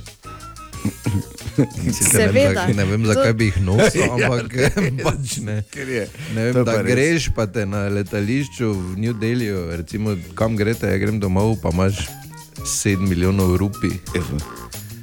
Ne vem, Kaj boš si bi z njimi. začel? Ja, ne vem, ne, ampak tudi prepovedano je. Ne. In kdo bi ti jih menjal? To po mojem, še če na banko Ne, je prideš. kazen. Ne, zdaj pa, ne, zdaj pa nazaj v Indijo. Zdaj pa nazaj, marš. Zdaj pa boje tu še. Pa, no, pa, pa tu imaš klovne. Pa vse. Ja, daj ne, aj fuj. Bor tako, da, da ne bi rupije nosil, to, sem, to smo Ne ti bi, na stareč. bom- bom zelo pazil Ko bo šel na tvoje spiritualno potovanje, na predrugačenje, ne? rupije tam pusti. Pa daj mir. In je že, ja, vredno je šokira. In je že 9 minut, čez 8. Vedno ti še nekaj reče. Ja, na če koncu. nekaj na koncu govori, ne morem se navaditi. Torej, kar kul cool ali kar slabo. To, to je pač, ko si mi pripravimo nekaj, za kar mislimo, da je kar kul, cool, pa vprašanje, če tako mislijo ostali v ekipi, oziroma misli ta ostala dva v ekipi. Ana, Danes informacija, o kateri dejansko si ti že dolgo časa nazaj govoril, ampak ker smo Ja. tik pred tem, da se to uresniči, je treba na to zadevo spomniti. ja. V glavnem, v roku dveh mesecev pride ven igrica Jaz sem Jezus Kristus. A, točno, ja. Spomnimo, da gre za simulacijo Jezusa, ne od rojstva, Ja, smrti, ja. ja. vstajenja, obuješ njegove šlape in si ja. on. In greš. In greš. Sedeš na osla ne, in greš. Tako da Interesantno. tik pred tem, da izide. No, lepo. Lepo. Ko smo že pri čudežih. Je rekel in se oglasil. Ja. Ko smo že pri čudežih, v Mariboru v Mariboru je bil včeraj človek, uh, Oleg Mandič, ki je zadnja oseba, ki je zapustila koncentracijsko taborišče Auschwitz-Birkenau. Mm. Takrat je bil star 11 let, bil je tam z mamo in babico. In um, zdi se tako, da ko pripoveduje o tem dogajanju, da je to bilo na drugem planetu. Ker je govoril v, um, v včerajšnjem govoru, je omenjal, da so že vedeli, da jih bodo osvobodili, slišali so že Katjuše na fronti blizu, in še vedno so Nemci potem naredili dve skupini. Ena je šla na tako imenovani smrt mrši, eh, eh, eh, eh, marš smrti, druga pa je ostala v taborišču in je rekel, oni niso vedeli, v kateri skupini ostati, v tej, ki gre. Ker niso vedeli, da je to smr, uh, um, marš smrti ali v tej, ki ostane. Niso vedeli, ali bodo Nemci pobili te, ki ostanejo, ko grejo, ali tisti, ki bo z njimi šli. Jo, zgodba, vem. Ja. To ne more biti, to je v vsakem primeru kar slabo. Ne? Se strinjam. Dobro, da se je uh, tako odločil, ampak katastrofa. Uh, in uh, res uh, neverjeten prikaz tega, kak je. Mislim, neopisljive grozote smo ljudje sposobni in nivo krutosti je katastrofa, res. Um, dajmo mogoče vseeno k malo bolj prijaznim temam priti. Ali sta vedela, da je bila kompetitivna umetnost, ne vem kako bi to drugače uh, jaz to opisal, olimpijski šport med leti 1912 in 1948 so dejansko podeljevali je po vrtnico nariše? ali kaj? ja, medalje v glasbi, slikarjenju, kiparjenju in arhitekturi. In zakaj tega več ni? Ja, pa to ti pravim. Zato, Ana, ker to ne mogoče. Ne bi rekel, ne? ker eh, si predstavljaš, da bi Patrik Svezi pa Demi Mur bi dobila zlato za ono sceno. Z... ja, ali pa uh, Edward Škarje Roki tudi, ne? ko je naredil tisto uh, je skulpturo iz ledu ali pa ne. Mislim, tak, da škoda, da ni, ne? je pa kar kul, cool, po mojem, da je Kar to bilo. kul. Ja, ja, tako. Evo, viš, kako se stvari spremenjajo. Želimo dobro jutro. Dobro jutro. Dobro jutro. Ja, in danes je 15. marec in čez dva dni, 17. marca, to je zdaj za vse fane skupine YouTube, in pa se mi zdi, da bi morali to skoraj da, uh, dati tudi nekam v neki, neki del nekega izobraževalnega programa, ker to uh, je tako pomemben del človeške zgodovine, da veš, ne, pa zdaj ne govorim kot velik fan skupine YouTube, ampak na splošno njihov doprinos glasbi je izjemen. No, čez dva dni pa bo na Disney Plus uh, išel en, en nov, izjemno, izjemno zanimiv dokumentarec. Namreč tako je bilo, da ko sta Larry Malen in Adam Clayton imela neke druge projekte, sta se Diech in Bono odločila, da legendarnega Davida Lettermana povabita v Dublin. Ne? In da grejo, ja, pazi, v Dublin, na Irsko, in da grejo malo skozi. Pravzaprav, da si ogledajo korenine, odkot v bistvu in zakaj YouTube in zakaj taka njihova glasba, in se jim tja, odkot navdihi okolje, iz katerega so izhajali. In nastal je uh, zanimiv uh, dokumentarec z naslovom Bono and the Edge, A Sort of Homecoming with David Letterman. Ni najkrajši naslov, ampak uh, trailer je seveda že, uh, že gor in si lahko to ogledaš. Uh, ja- jaz moram reči, da komaj čakam in uh, pritiskam, in celo razmišljam o naročnini za Disney, Plus, samo da bi si lahko uh, dejansko ogledal to. Ampak je, mislim, že sam trailer je, je res vrhunski. Dobro, uh, Dieč in predvsem Bono sta že kar stara stričeka, David Letterman s to svojo dolgo sivo brado tudi ne deluje. Mislim, kot da bo še dolgo snemal, ampak je pa še vedno izjemno iskriv in zabaven. In, um, ta dokumentarec bo zagotovo nekaj, kar si bo vredno ogledati. Torej, uh, čez dva dni bo na Disney Plus, bo na Indiji, če sort of homecoming with David Letterman, to pač napovedujemo. Oziroma opozarjamo na to. Opozarjamo. Opozarjamo. Sandi si čutil? Prebojeni. Ne samo prebojeni, zastrupljeni. Lahko povem, kaj se mi je takrat zgodilo. ja, povej. 12. marca smo praznovali Gregorjevo. Ne? Ja, Ja. tako je, to je bilo v nedeljo. barčice, drugi se lupčka in tako dalje. ne. Ja, ptički seveda- se ženijo, ne. To ne, pač te stvari. Tič In da jaz- kluna. Tič da kluna. Ja. In zdaj seveda, Pardon. naslov tega je bilo Gregorjevo 2023. In jaz, ko pač na hitro te novice preberem, sortiram, gledam, kaj je primerno in kaj ne. Na mesto Gregorjevo sem prebral Googlovo 2023, mrtvo hladno. In si mislim, jaz, kaj te oni imajo zdaj, da imajo že Google. Skratka, čas je, da izklopimo, vgasnemo Ja. in gremo. Ne? Ja. Razen če bojo dali dela prost dan, pa lahko imajo. Če bo nedelja. Ja, ne, če bo ja, če bo bodoče. Ampak po drugi strani pa niti ni tako napačno to razmišljanje, oziroma več, če hočeva zdaj iti malo globje tu bor, ker Google nam je že dolgo časa nazaj dal klun. Zakaj ne bi to tako beležili? In tu je Borov priljubljeni segment iz Borove špajze.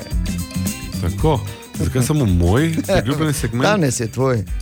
Ker si tako običajno rečeš, naš priljubljeni Ja, pa segment. danes je tvoj. Da- danes ga je- nazaj, to je Ja, danes, je, Aha. danes so marčne ide, danes se ti kesaš za, za roto, ne, ki si jo pred par tisoč leti naredil v Rimu in gremo dalje. Ne vem, če sem ravno jaz bil ta, ne, ampak eh, zgodovina nas uči dvoje uh, na temo tega, kako se lahko človek na sočloveka zanese. Eh, Ne glede na to, kako je ta iluzija močna, da smo mi skupaj v tem življenju, na eni ali pa drugi strani, na koncu se zdi, da je vsem jasno to, kar je bilo Cezarja v momentu, ko je začutil bodalo pod rebri. Ne? da je sam v tem ja. in da je tako dolgo z drugimi, dokler jim je koristen. In zdaj moderne filozofije poslovanja počasi razlagajo, da emocije v poslu nima kaj iskati in da samo neprofesionalni ljudje se zanašajo na to, da so v poslu tudi čustva. V redu, ne? pravimo mi, ki smo navajeni poslovati emotivno, ampak ne jočite se potem, če bo manj denarja. Ja. Tako kot se je jokal Cezar, ko je dobil bodalo pod rebra, kot Kot si ne tako. Kot se je jokal Cezar, Tako, ko je ja. današnji dan na marčne ide pred mnogimi leti dobil bodalo. pod rebra. Želimo dobro jutro. Dobro jutro, še enkrat, Ana. Dobro jutro. Kaj ga lažje, ja. če imaš mikrofon vklopljen. veš. ja. torej, uh, zgodaj je, hladno je, ampak uh, na srečo je toliko zanimivih stvari, ko malo uh, hočeš pogledati, veš, dati trenutek pozornosti aktualnemu dogajanju. eh, Kar običajno storimo preko družbenih omrežij, ne, ko te tako ogrejejo, tako res toliko kvalitetnih vsebin in novic. Včeraj, recimo, je v eno, uh, uh, kamorkoli sem, pa jaz veš, da ne gledam nekaj, ne, ful. Ne, Družbenih omrežij sploh ne, ne. No, mislim, redko, ne, ampak uh, sem pa znal, da je Lindsay Lohan noseča. Kaj tega še jaz ne vem? No, vidiš, pa to ti pravim. Noseča je? Ja, ja, to je bila prva novica včerajšnjega dne. To je bilo res najpomembnejše od vsega, kar je bilo pomembno včeraj. Ob tem, seveda, da je Maribor zmagal, jasno, da v, v Ljubljani in da smo bili malo nervozni tam proti koncu. No, ne samo to, v teh globalnih novicah je treba povedati tudi, da je kralj Karel III. Naredil nekaj, kar pač Mislim, tokrat ne govorimo o slabih, ker je res butaste, eh, butaste stvari so pač prišle v javnost, načeloma, odkar je on postal kralj. Ampak tokrat pa je seveda med viteze sprejel enega najpomembnejših kitaristov v zgodovini pop glasbe in sicer Brian May iz skupine oh. Queen oziroma dr. Brian May, seveda, ker ima doktorat iz astrofizike, ob tem še da je legendarni rocker. Uh, je postal vitez in uh, mislim, res lepo in zasluženo, več kot zasluženo, bom rekel. No? In uh, tudi zanimive fotke in posnetki iz, uh, iz, tega, iz tega dogodka so in kak je, uh, mora biti kralj Karel Mali v bistvu, ali pa Brian May tako veliki. Ker je hecna ena fotka, ko tako zraven na štengici stoji kralj. Veš. Pa še vseeno, ja, pa še vseeno, veš, bi rekel. Aha, ne. še je razlika. ja, kak je temu moglo biti, ko še je bila kraljica Elizabeta. Pa tako imel pri pasu, verjetno štengo, ko bi ona stala, ker je bila malo nižja. Ne? In pa še ena stvar se je zgodila včeraj, kot vemo, leta 2025, eh, gre eh, NASA spet, oziroma gre Amerika spet na Luno, tako so se odločili, čeprav seveda eh, ne gre tu samo za projekt Amerike, ampak po večini. Ne, z Artemisom bodo leteli ponovno na Luno in zdaj so predstavili uh, novo obleko. Za, uh, za vesoljce, ki bodo šli gor takrat. In zanimivo, da te vesoljske obleke pravzaprav niso spremenjali, vsaj te, temeljno, ne, v zadnjih 30-40 letih. In ko bo več kot 50 let po, uh, po zadnjem pristanku na Luni ponovno uh, prišel človek, tokrat na južni lunin pol, tja nameravajo poslati, bo to z novo obleko, ki bo črne barve. No, vidim. Ne bo več bela, uh, tako so bile snežno-bela, ki uh, pač predstavlja nedolžnost, ampak seveda črne barve, ki pač predstavlja Darta Vaderja. Ne, kot vemo. No, bo, bo seveda interesantno videti, v vsakem primeru tudi nova obleka. Če boš kdaj šel na Luno, ali pa če boš šel v kratkem, da vidiš, kaj boš imel oblečeno. Dobro jutro. Dobro jutro. Eh, In eh, med listanjem zanimivih naslovov sem naletel tudi na tega. Prestiž, ki si ga lahko privoščiš v Mariboru, ne pa si ga ne moreš. Želimo dobro jutro. Dobro jutro. Jutro. In dobrodošli. Torej, uh, včeraj so tudi objavili seznam na glazerjevih nagrajencev, torej glazerjeve nagrade in glazerjevih listnin. Bor, spet nič. Vem. Ne? Zopet eno razočaranje. Spet nič. Ja. Kaj delajo? Ne, ne vem. Res. Miran, kako imaš to? Gospod Štohec je bil moj profesor A, na je bil? faksu. Ja. Resno? Dobro jutro. Daj, Miran, no. Pa daj, Miran, no, mislim, halo. Slabo, slabo, slabo. Mislim, da na takega velikana, skozi, po tebi bi se nagrada morala imenovati. Bor. Ja. To je res. Kaj ja. še le, Za Enkrat sem celo vodil, ampak uh, ob tem vseeno jo. čestitke Primožu Premzlu, ker je Pa ja, no, naj mu bo. ja, in Res je. Davidu Mišiču, pa neki avtor, pa Marinu Mirto. Ja, se, se ste sami izvrstni občanke in občani, samo. En je vseeno pozabljen, ne, ja. Miran, zadnjič je bilo to. Ne? Dobro jutro. Narečja so zakon. Ha, kva, koga, kaj? Ma ne razumem. Tako je, gospod Fras, izvolite. Dobro jutro. Servus. Jutro. Na zadnje smo iskali narečne verzije te povedi. Prehitro je zapeljal čez ležečega policaja in odrgnil podvozje. Dober dan, tukaj je Alenka iz Kaple.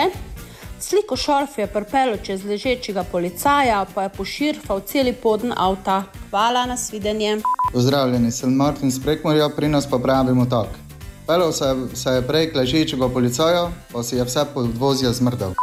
Zdravo, sem Erika in prihajam iz Otiškega vrha. Predivjo je zaprl čez ležečega policaja, pa je počohal pot na avto. Moje ime je Fabijan, prihajam iz Polencev in pri nas bi temu rekli tako: malo virno se je pela prek ležečega, pa se je podresel podvozje. S takšno brzino je letel prek ležečega miličara, ko si je podvozje se poškrabal.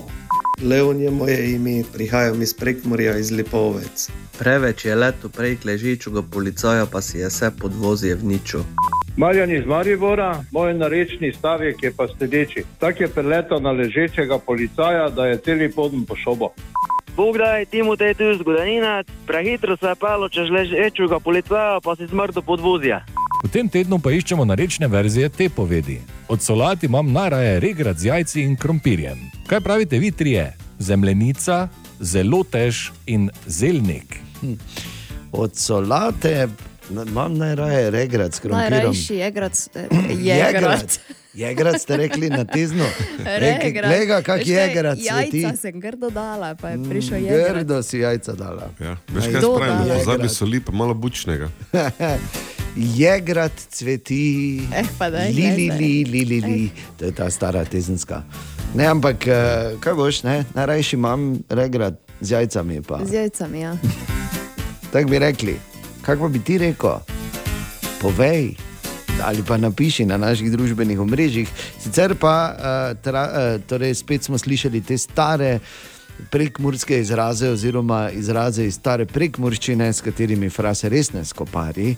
Ne? Nikoli, Ne, res ne, torej, kaj smo bili tokrat, Marko? Zemljenica je jama ali podzemna klet, zelo tež je zelot, gorečnež, zagrizenec, zelnik pa je zelenec, človek z zelenim plaščem. Par. Ki hodijo okoli po noči. Ne? Zelenem, ja. po Mariboru. Eh, Hvala Bogu, da je na knofe, ker drugače bi imel problem s fršlucem, če še lahko eno zapreš. Torej, nareče so zakon vse skozi pri nas na radiju in na naših družbenih. Ha, koga? Ma ne razumem. Narečja so zakon. Pa Dua Lipa bo tu. Čeprav to ni bila Dua Lipa. Ja, ravno poslušam, če je zmontirala. To, zdaj, to sploh ni bila Dua Lipa. Bor pa nehaj se mi dotikati, tu miš pulta. Ja, ne Zdaj vidim, da je. Kaj je bilo oprosti. narobe s komadom? Ja, ker ni bil pravi. Ja, vem, ampak. Dua Lipa, love again. Ker Love? Again je Ne, sicer ne, ne. bil, ne? Love again, ti, ne, ne, ne, ne, ne, ne, ne. To ti bo. Jaz glasujem za tega alternativnega. Daj mi. Želimo dobro jutro. Dobro jutro. Dobro jutro. Torej, kako razliko lahko naredi 15 let v ekonomiji, kot jo imamo? Malo sem primerjal cene. In, ja, eh, ampak ne bomo zdaj šli v to, pa pod rešitve, pa tam, samo kako se spremeni v 15 letih. Vzamimo 3 milijone evrov. Ne? tako sliši. Ja, to je tako neka recimo, da normalna vsota za povprečnega Lopovi človeka, ne. zjutraj plan, ne, kaj bomo danes, danes pa bomo vzeli 3 milijone. Ne? Ampak recimo 3 milijoni. Sve, te, če pač govorimo o nekih imaginarnih vsotah, lahko rečemo pet, rečemo pet. Dajmo pet. Dajmo Pet pet. še Glej, bolj če menimo, šparali, pa ja? gremo pet. Recimo za 5 milijonov si pred 15 leti lahko kupo, pa ti je še ostalo, recimo vilo na morju, pa kaki ekskluzivni hypercar. Uh, letel si samo še s privatnimi letali, kamorkoli si šel. Ne? Lahko si imel tak v četrtek svoj zasebni koncert, Werner Jana. Koga? Werner Jana, ne veš ti? Vsi komad nar imajo koncert od Werner Jana. da. Werner Jan. Ja. Danes pa za ta isti denar, recimo, dobiš 10 kvadratov gradbene parcele, 4 kvadrate stanovanja v Bohovi, niti ne v mestu, 8 metrov buh, bukovih drv, hobok, polčanera, tedensko parkiranje blizu občine, zasebni koncert Bora in njegovih novic, ampak skrajšano verzijo ob pol. Tako da, stvari se spremenijo. Ana Borindejan, želimo dobro jutro. Dobro jutro. Dobro jutro. Ja, dobro jutro. In v Slovenki so imeli ponovno tradicionalno veliko licitacijo lesa, tako da dobro, da si doma ostal bor. Jo, zakaj?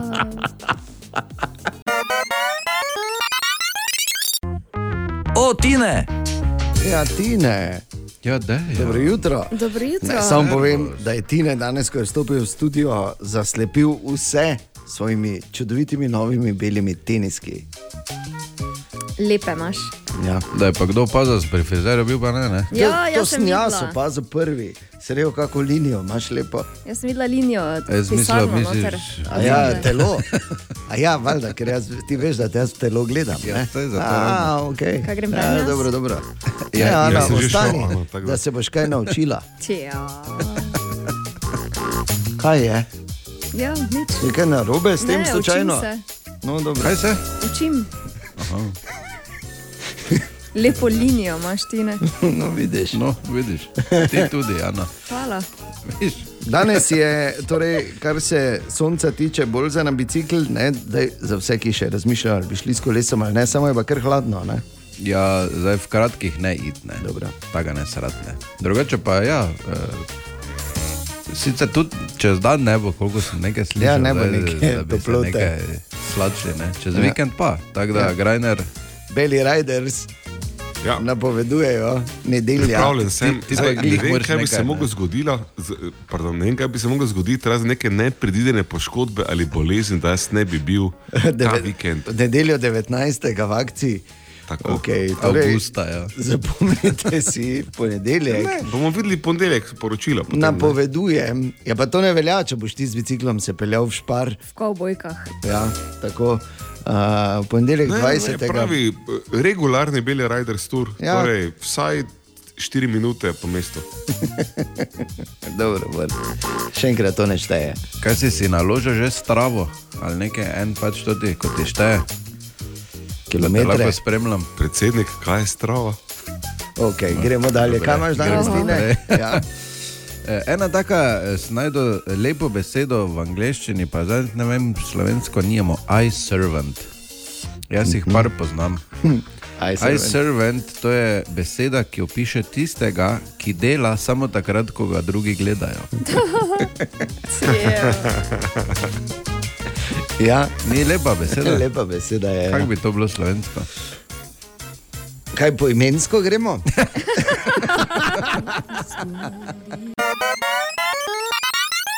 Vprašanje za Ahajfek za danes zjutraj. Bor, jaz mislim, da po, mojih, po mojem spominu je to zdaj eni četrtič ali petič, da v vsej tej karieri, ki jo ima Ahajfek, ki je eh, pravzaprav najdlje trajajoč naš jutranji segment, ne, tako bomo rekli že praktično skoraj da 20 let, 18 let v bistvu, tako da se kar sliši. Ne? Še malo pa bo šel delati spit za avto.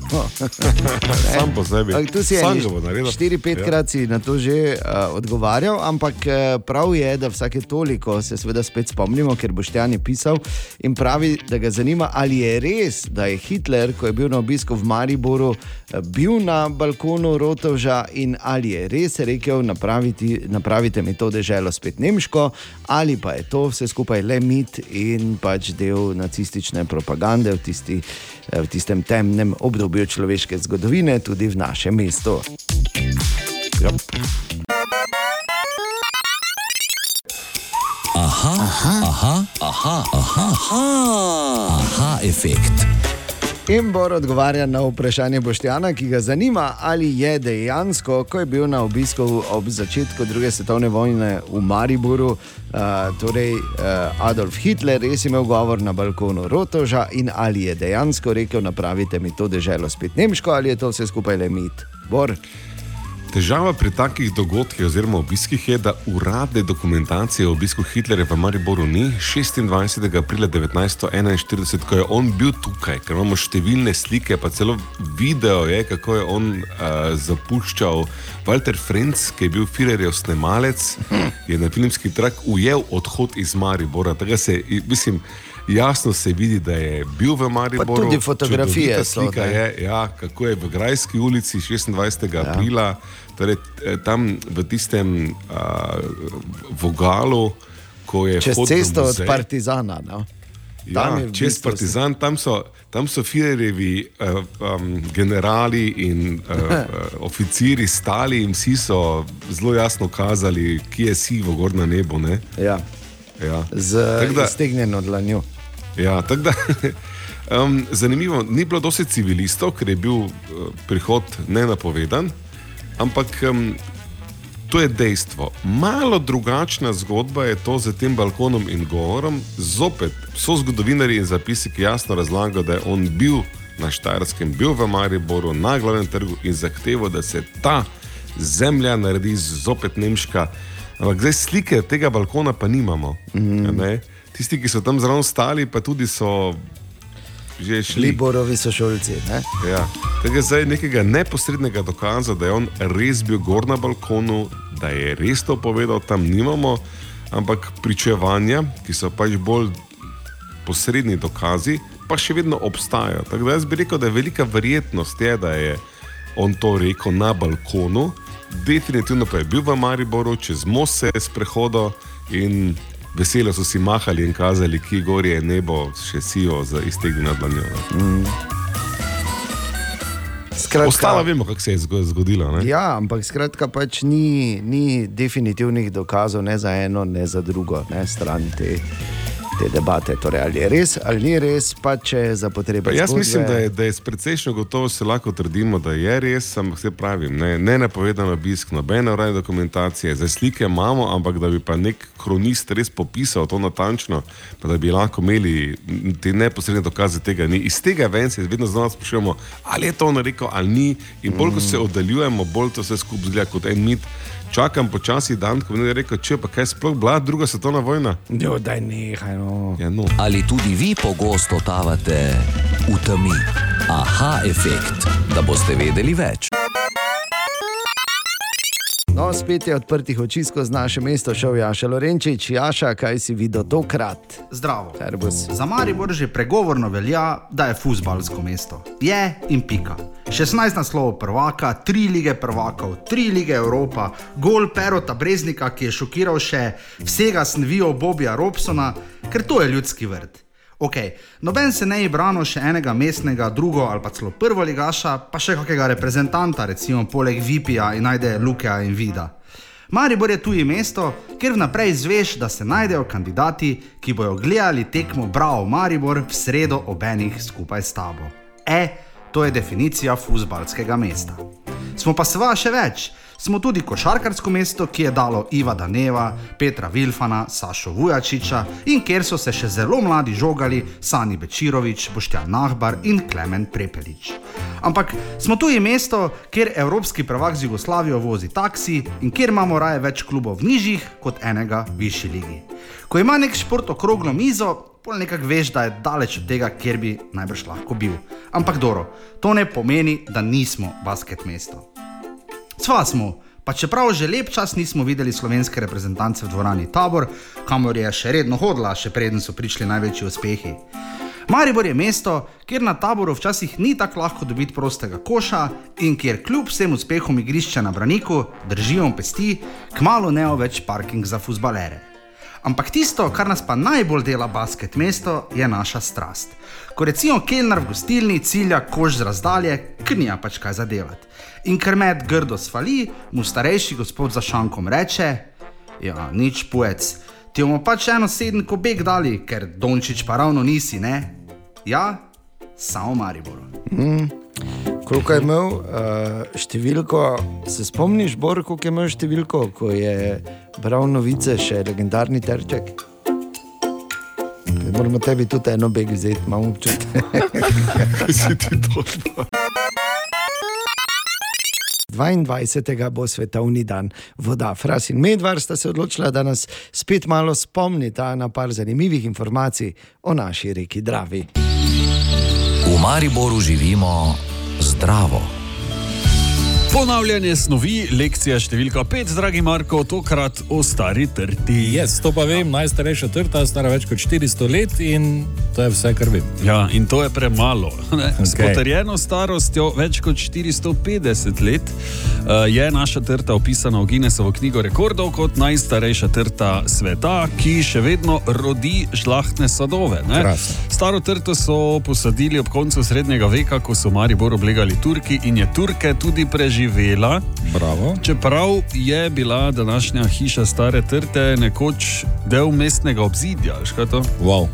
Ja, Trdoživa. Ja, res je, to še ni vse. Eh, V 19. stoletju se je pojavila tudi trtna uš, ki je napadala korenine, in eh, vinarji v Evropi so bili brez obrambe. Ne? Uš je namreč pomorila ogromno trt. Ampak ne stare trte. Ne? Seveda ne, ne, stara trta je preživela. E, zakaj se morda sprašuješ? Zato, ker njene korenine segajo globoko pod Dravski prot, kjer se trtna uš ni mogla zarediti, e, in tudi zavezniško bombardiranje mesta je ni moglo do živega, čeprav je bila delno porušena tudi hiša na pročelju, katere raste. Pa še to.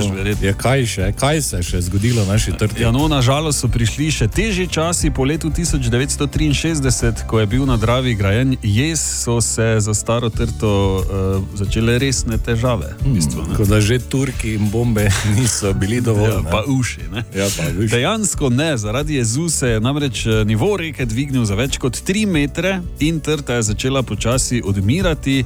Stanje sta poslabšali še zanemarjenost območja ob Dravi v 70-ih letih in uh, nestrokovna oskrba. Uh, po obnovitvi hiše in tlakovanju okolice leta 1982 pa se stara trta vse do danes bohoti. Vsej svoji veličini. Prekrasno. Za njo, kot veš, verjetno skrbi mestni viničar, Mhm. -huh. festival Stare Trte imamo, tako da ni da ni. Pa ena največjih slovenskih znamenitosti, je, ne, ne pozabi. Tako je, pa probali je nismo, niti ne. In kdaj bomo? Ja, kdaj bo kdo natočil, očitno nikoli.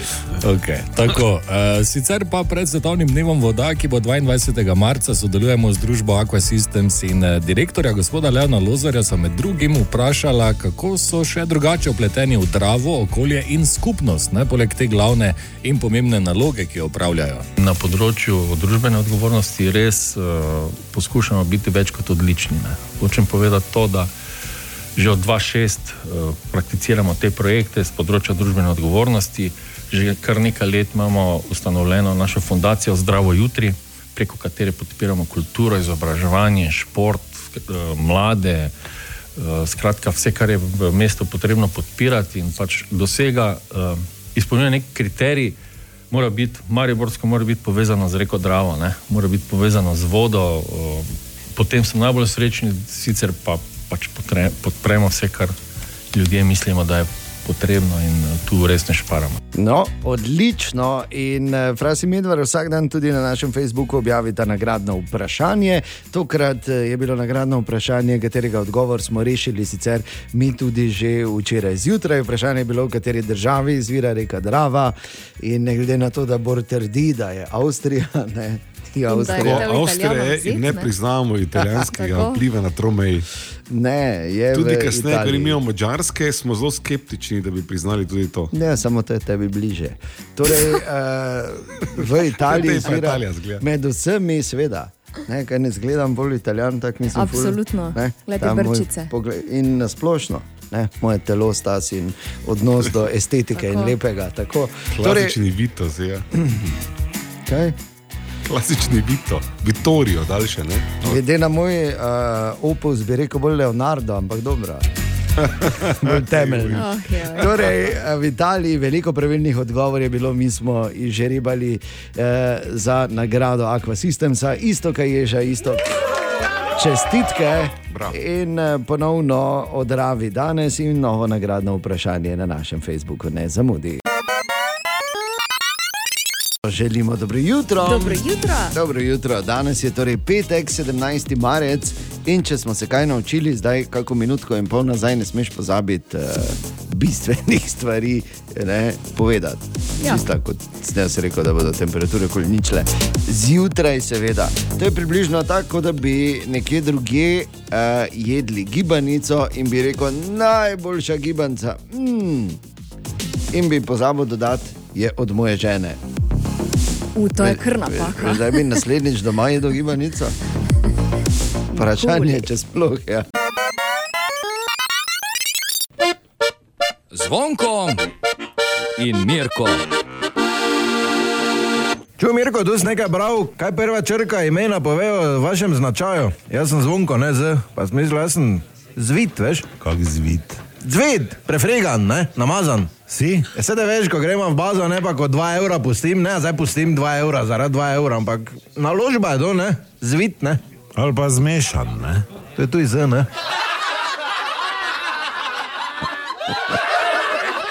Kaj to pove o tebi, Ana, ti si A? A? Aha. Um, Anakonda, to je vse, kar bom rekel. Včeraj zjutraj smo v našem aha efektu imeli en tak zgodovinski moment, ki pa uh, vsaj, uh, vsaj po tem, kar smo dobili in slišali, morda ni bil zdaj, bomo rekli, tako stoprocentno točen. Ne? Mislim, ni bil mogoče najbolj točen, ampak v obrambo Boru, jaz rečem, pač dolgo je že nazaj, druga svetovna vojna, začetek druge svetovne vojne in obisk uh, Führerja v Mariboru. Uh, in uh, seveda je bilo vprašanje, ali je res govoril z balkona in ali je res rekel, da je naredite in to deželo spet nemško. Po vrsti. Najprej ja, je šel čez most, tudi to, to je bo rekel, to smo se pogovarjali, to ni sporno. In to je potrdila tudi ena gospa, ki je poklicala. Dober dan. E, Jaz bi rada povedala na tisto temo, ko je bila zjutraj o Hitlerju. A je bil v Mariboru ali ni bil, ne? Moja tašča je bila živa priča, da je bil na balkonu, da se je sprehodil preko mosta in tako naprej. Rodila se je leta 22, umrla je pa lani septembra, stara 100 let pa 8 mesecev ne? in je stalno o tem govorila, tako da je bilo to res. Lepo, torej balkon odklukan, obor, ne? Slišal? Ja. Balkon Ko smo in imeli- obisk, ne? Ja, in eh, obisk. Sprehod čez most. Tako. Edino, kar je tu pod vprašanjem, je, da naj bi on na balkonu dol rekel: naredite mi to deželo spet nemško. Zagotovo se ni to dol zadr. Ne, tako da, zdaj, da bi dol se on po megafonu ali pa mikrofonu dol, da bi kričal, kaj ti, kot uh, je pisal mi Gorast, pravi, da je vsak korak uh, Firerja v Mariboru bil detaljno opisan v takratnem časopisu v Štajerskem gospodarju in v Marburger Zeitung, oba lahko v PDF obliki najdeš v Narodni univerzitetni knjižnici. Uh, prav tako je zaradi tega obiska bila izdana knjiga v nemščini Maribor, južno mesto z vsemi slikami obiska. Tu je bil Führer par ur, prišel je iz Špilja z avtom in stopil pri železniškem in glavnem mostu, na to pri stolni cerkvi in odšel v Mariborski grad. Iz grada je po vožnji po mestu odšel na železnico in se odpeljal v gradec, kjer pa je res imel govor. Tako da komu je on kaj rekel tu, ne pa kaj vse, pa naj bo ta Mariborčanka pol tam v gradu, pa Bog ve kaj še rekel. To ni zabeleženo, oziroma ni bilo javno. Ki imamo zdaj nesoglasje? Ne, nič, nič, pač samo pravim, da je bilo odmevno, ne, veš, da se tudi ti nisi rekel, da je rekel, ne, ampak Seveda samo da ne, se ker menijo. Tega ne moramo vedeti. Ne? Pred poanta je bila Kar je da razočaranje, Bor, ki ti bi mogel vedeti. Je pa, je pa pazi, Goras napisal, oziroma spomnil me na eno zanimivo stvar še in sicer je rekel, da to vse skupaj malo spominja na film Season of the Witch z Nikolasom Cageom, ki se tudi med drugim dogaja v našem Mariboru, oziroma takrat pač Marburgu v 14. stoletju, samo da v tistem filmu ima Maribor morje in obalo. In to tudi ni slabo, ko tako pogledaš. Ne? Torej, še enkrat počrtam, čist možno, da je on te slavne besede, naredite mi to, da je žela znova nemško, rekel ja. nekomu v Tako. nekem pogovoru na štiri oči. Ne. Tako. Zelo verjetno ne na balkonu, ampak ker ni o, o tem uradnih dokumentov in Točno. uradnih zapisov, v bistvu ne bomo nikoli vedeli. Res je. Tako kot je verjetno rekel, uf, le kako ritmo, ki ona dela. Kaj lahko Ja, no, prosim? kaj misliš, ziger je Ker rekel? mrazi, ko se tem A kaj, ko je bil v Mariboru, ko je gledal. Mariborčanke, vsak ne, tu mir. reče, gledaj kako malo. Kaj pa to te zizike? Dobro jutro. Dobro jutro. Želimo dobro jutro. Dobro jutro. Dobro jutro. Veš kaj sem vesel? Vesel sem, ko včasih res tako eksotične entitete najdejo pot v tako resno stvar, kot so radijske novice. In res je, o nekaterih stvarih, o nekaterih državah in nekaterih ljudeh govorimo enest- enostavno premalo. Sto na tem mestu, Bor, hvala lepa, preden gremo dalje. Naj samo povem, da Okay. ne veš, Se o ne čem ve. govorim. Ne, veš, Ne, nekaj sem narobe naredil. Ne. Sklepam ne, z verjetnostjo, ne, da sem nekaj ne, narobe naredil. Bor, Sklepam. Morda bi kdo rekel, da je narobe, mi dva za eno trdiva tako zelo prav. Kaj Hvala ti? ti, Ja, res hvala ti, Bor. O, hvala, o, hvala. Kaj ti? Marsikdo ne ve, da obstaja mini, pravzaprav mikro, celo nano, bi lahko rekli, državica, med, ukleščena med Kitajsko in Mol, eh, torej Molda, eh, Moldavijo, Mongolijo, imenuje se Veleprodajska. Tam imamo male in velike, ki tam živijo, in od teh dveh velikih, dveh njihovih največjih, je Bor v novicah danes povedal, Obeh največjih veleprodajcev. ne, v, od obeh največjih veleprodajcev, torej dveh največjih državljanov veleprodajske. Hvala lepa, Bor, da imaš oko čut za pač, Ni se kaj za postavljanje. Lep pozdrav strani vseh veleprodajcev. Tako. In, eh, Da bi še dolgo živeli Ja, in deželi. prosperirali. In prosperirali. Ja. Tako. Petek je skoraj nemogoče vprašanje. Daj. Brez nekih velikih uvertur. Naj pa samo povem, da bo današnje skoraj nemogoče vprašanje za marsikoga zelo poučno. Sta Aha, pripravljena? Torej za mene, verjetno. Ne, za nobenega v studiu Mhm. uh, ali priključenega v studio. Tako da tudi tokrat skoraj nemogoče vprašanje, korenini v statistiki narejeni v Evropski uniji. In pazite, tako pravi, 40 odstotkov evropejk in evropejcev, torej 4 od 10, ne glede na spol, uniseks je danes, je že kdaj lagalo temu nemedicin, nemedicinskemu profesionalcu ali profesionalki. Komu? Maserijo. ne. Ne medicinskemu profesionalcu. Kaj sploh je ne medicinski profesionalec? Ja, ne zdravnik, Torej, ne medicinska samo malo sestra. vodoinštalater je recimo ne medicinski Ja, profesionalec. ampak ni vodoinštalater. Ja, Štiri od ampak o desetih čem, so da že- bi vse povedal, o čem Ne, ne. To Ker ni pol nič. povem vse. Ne, jaz ne morem okoli ne medicinski profesionalec. da ne. Zdravniki, sestre, vsi- čistilke, vse to so profesionalci, Ja, ki delajo v medicinski stroki. Ne Ampak recimo, medicinski. Ja, ne medicinski. Recimo, Ja, ne. A -a, še se šalo poskušata. Štiri od desetih, to je kar številka, ne? skoraj pol jih je že kdaj temu ali tej lagalo. Frizerki. Ja, bravo, Ana. Frizerki, da ti je všeč frizura. Več kot polovica se jih je že zlagalo, ali se redno laže frizerju, da mu je všeč frizura. Zakaj Rekla, je treba frizerko treba opisati kot nemedicinska nemedicinski pro- profesionalka? Ja? Kaj, pa je? Če bi karkoli drugega rekel, bi takoj bilo. Ne moreš. Ne? Pač non-medical professional piše v originalu. Kaj je to? A, ne? prevajali smo. Ja, no, ja, kaj misliš, Veš, da- bi mogoče lahko rekel, ne, da je tej profesionalki, ki ni iz medicine, a se vendarle ukvarja s telesom. Daj, no. Zdaj Veš, samo kaj bi tako stvari rekel? rekel. Veš, kaj bi tako rekel? Seveda, da vem. To bi delala Točno to napačno. rekel. Moram takoj. paziti. Ampak A, naj povem, nisem, mislim, ne delajo v Evropski uniji raziskav v slovenščini, zato seveda, da prevajam, hvala lepa. In B, to, kar je Bor govoril, samo zato meče pesek v oči, da bi pozabili, da je Ana zmagala. Tako da čestitke, Ana.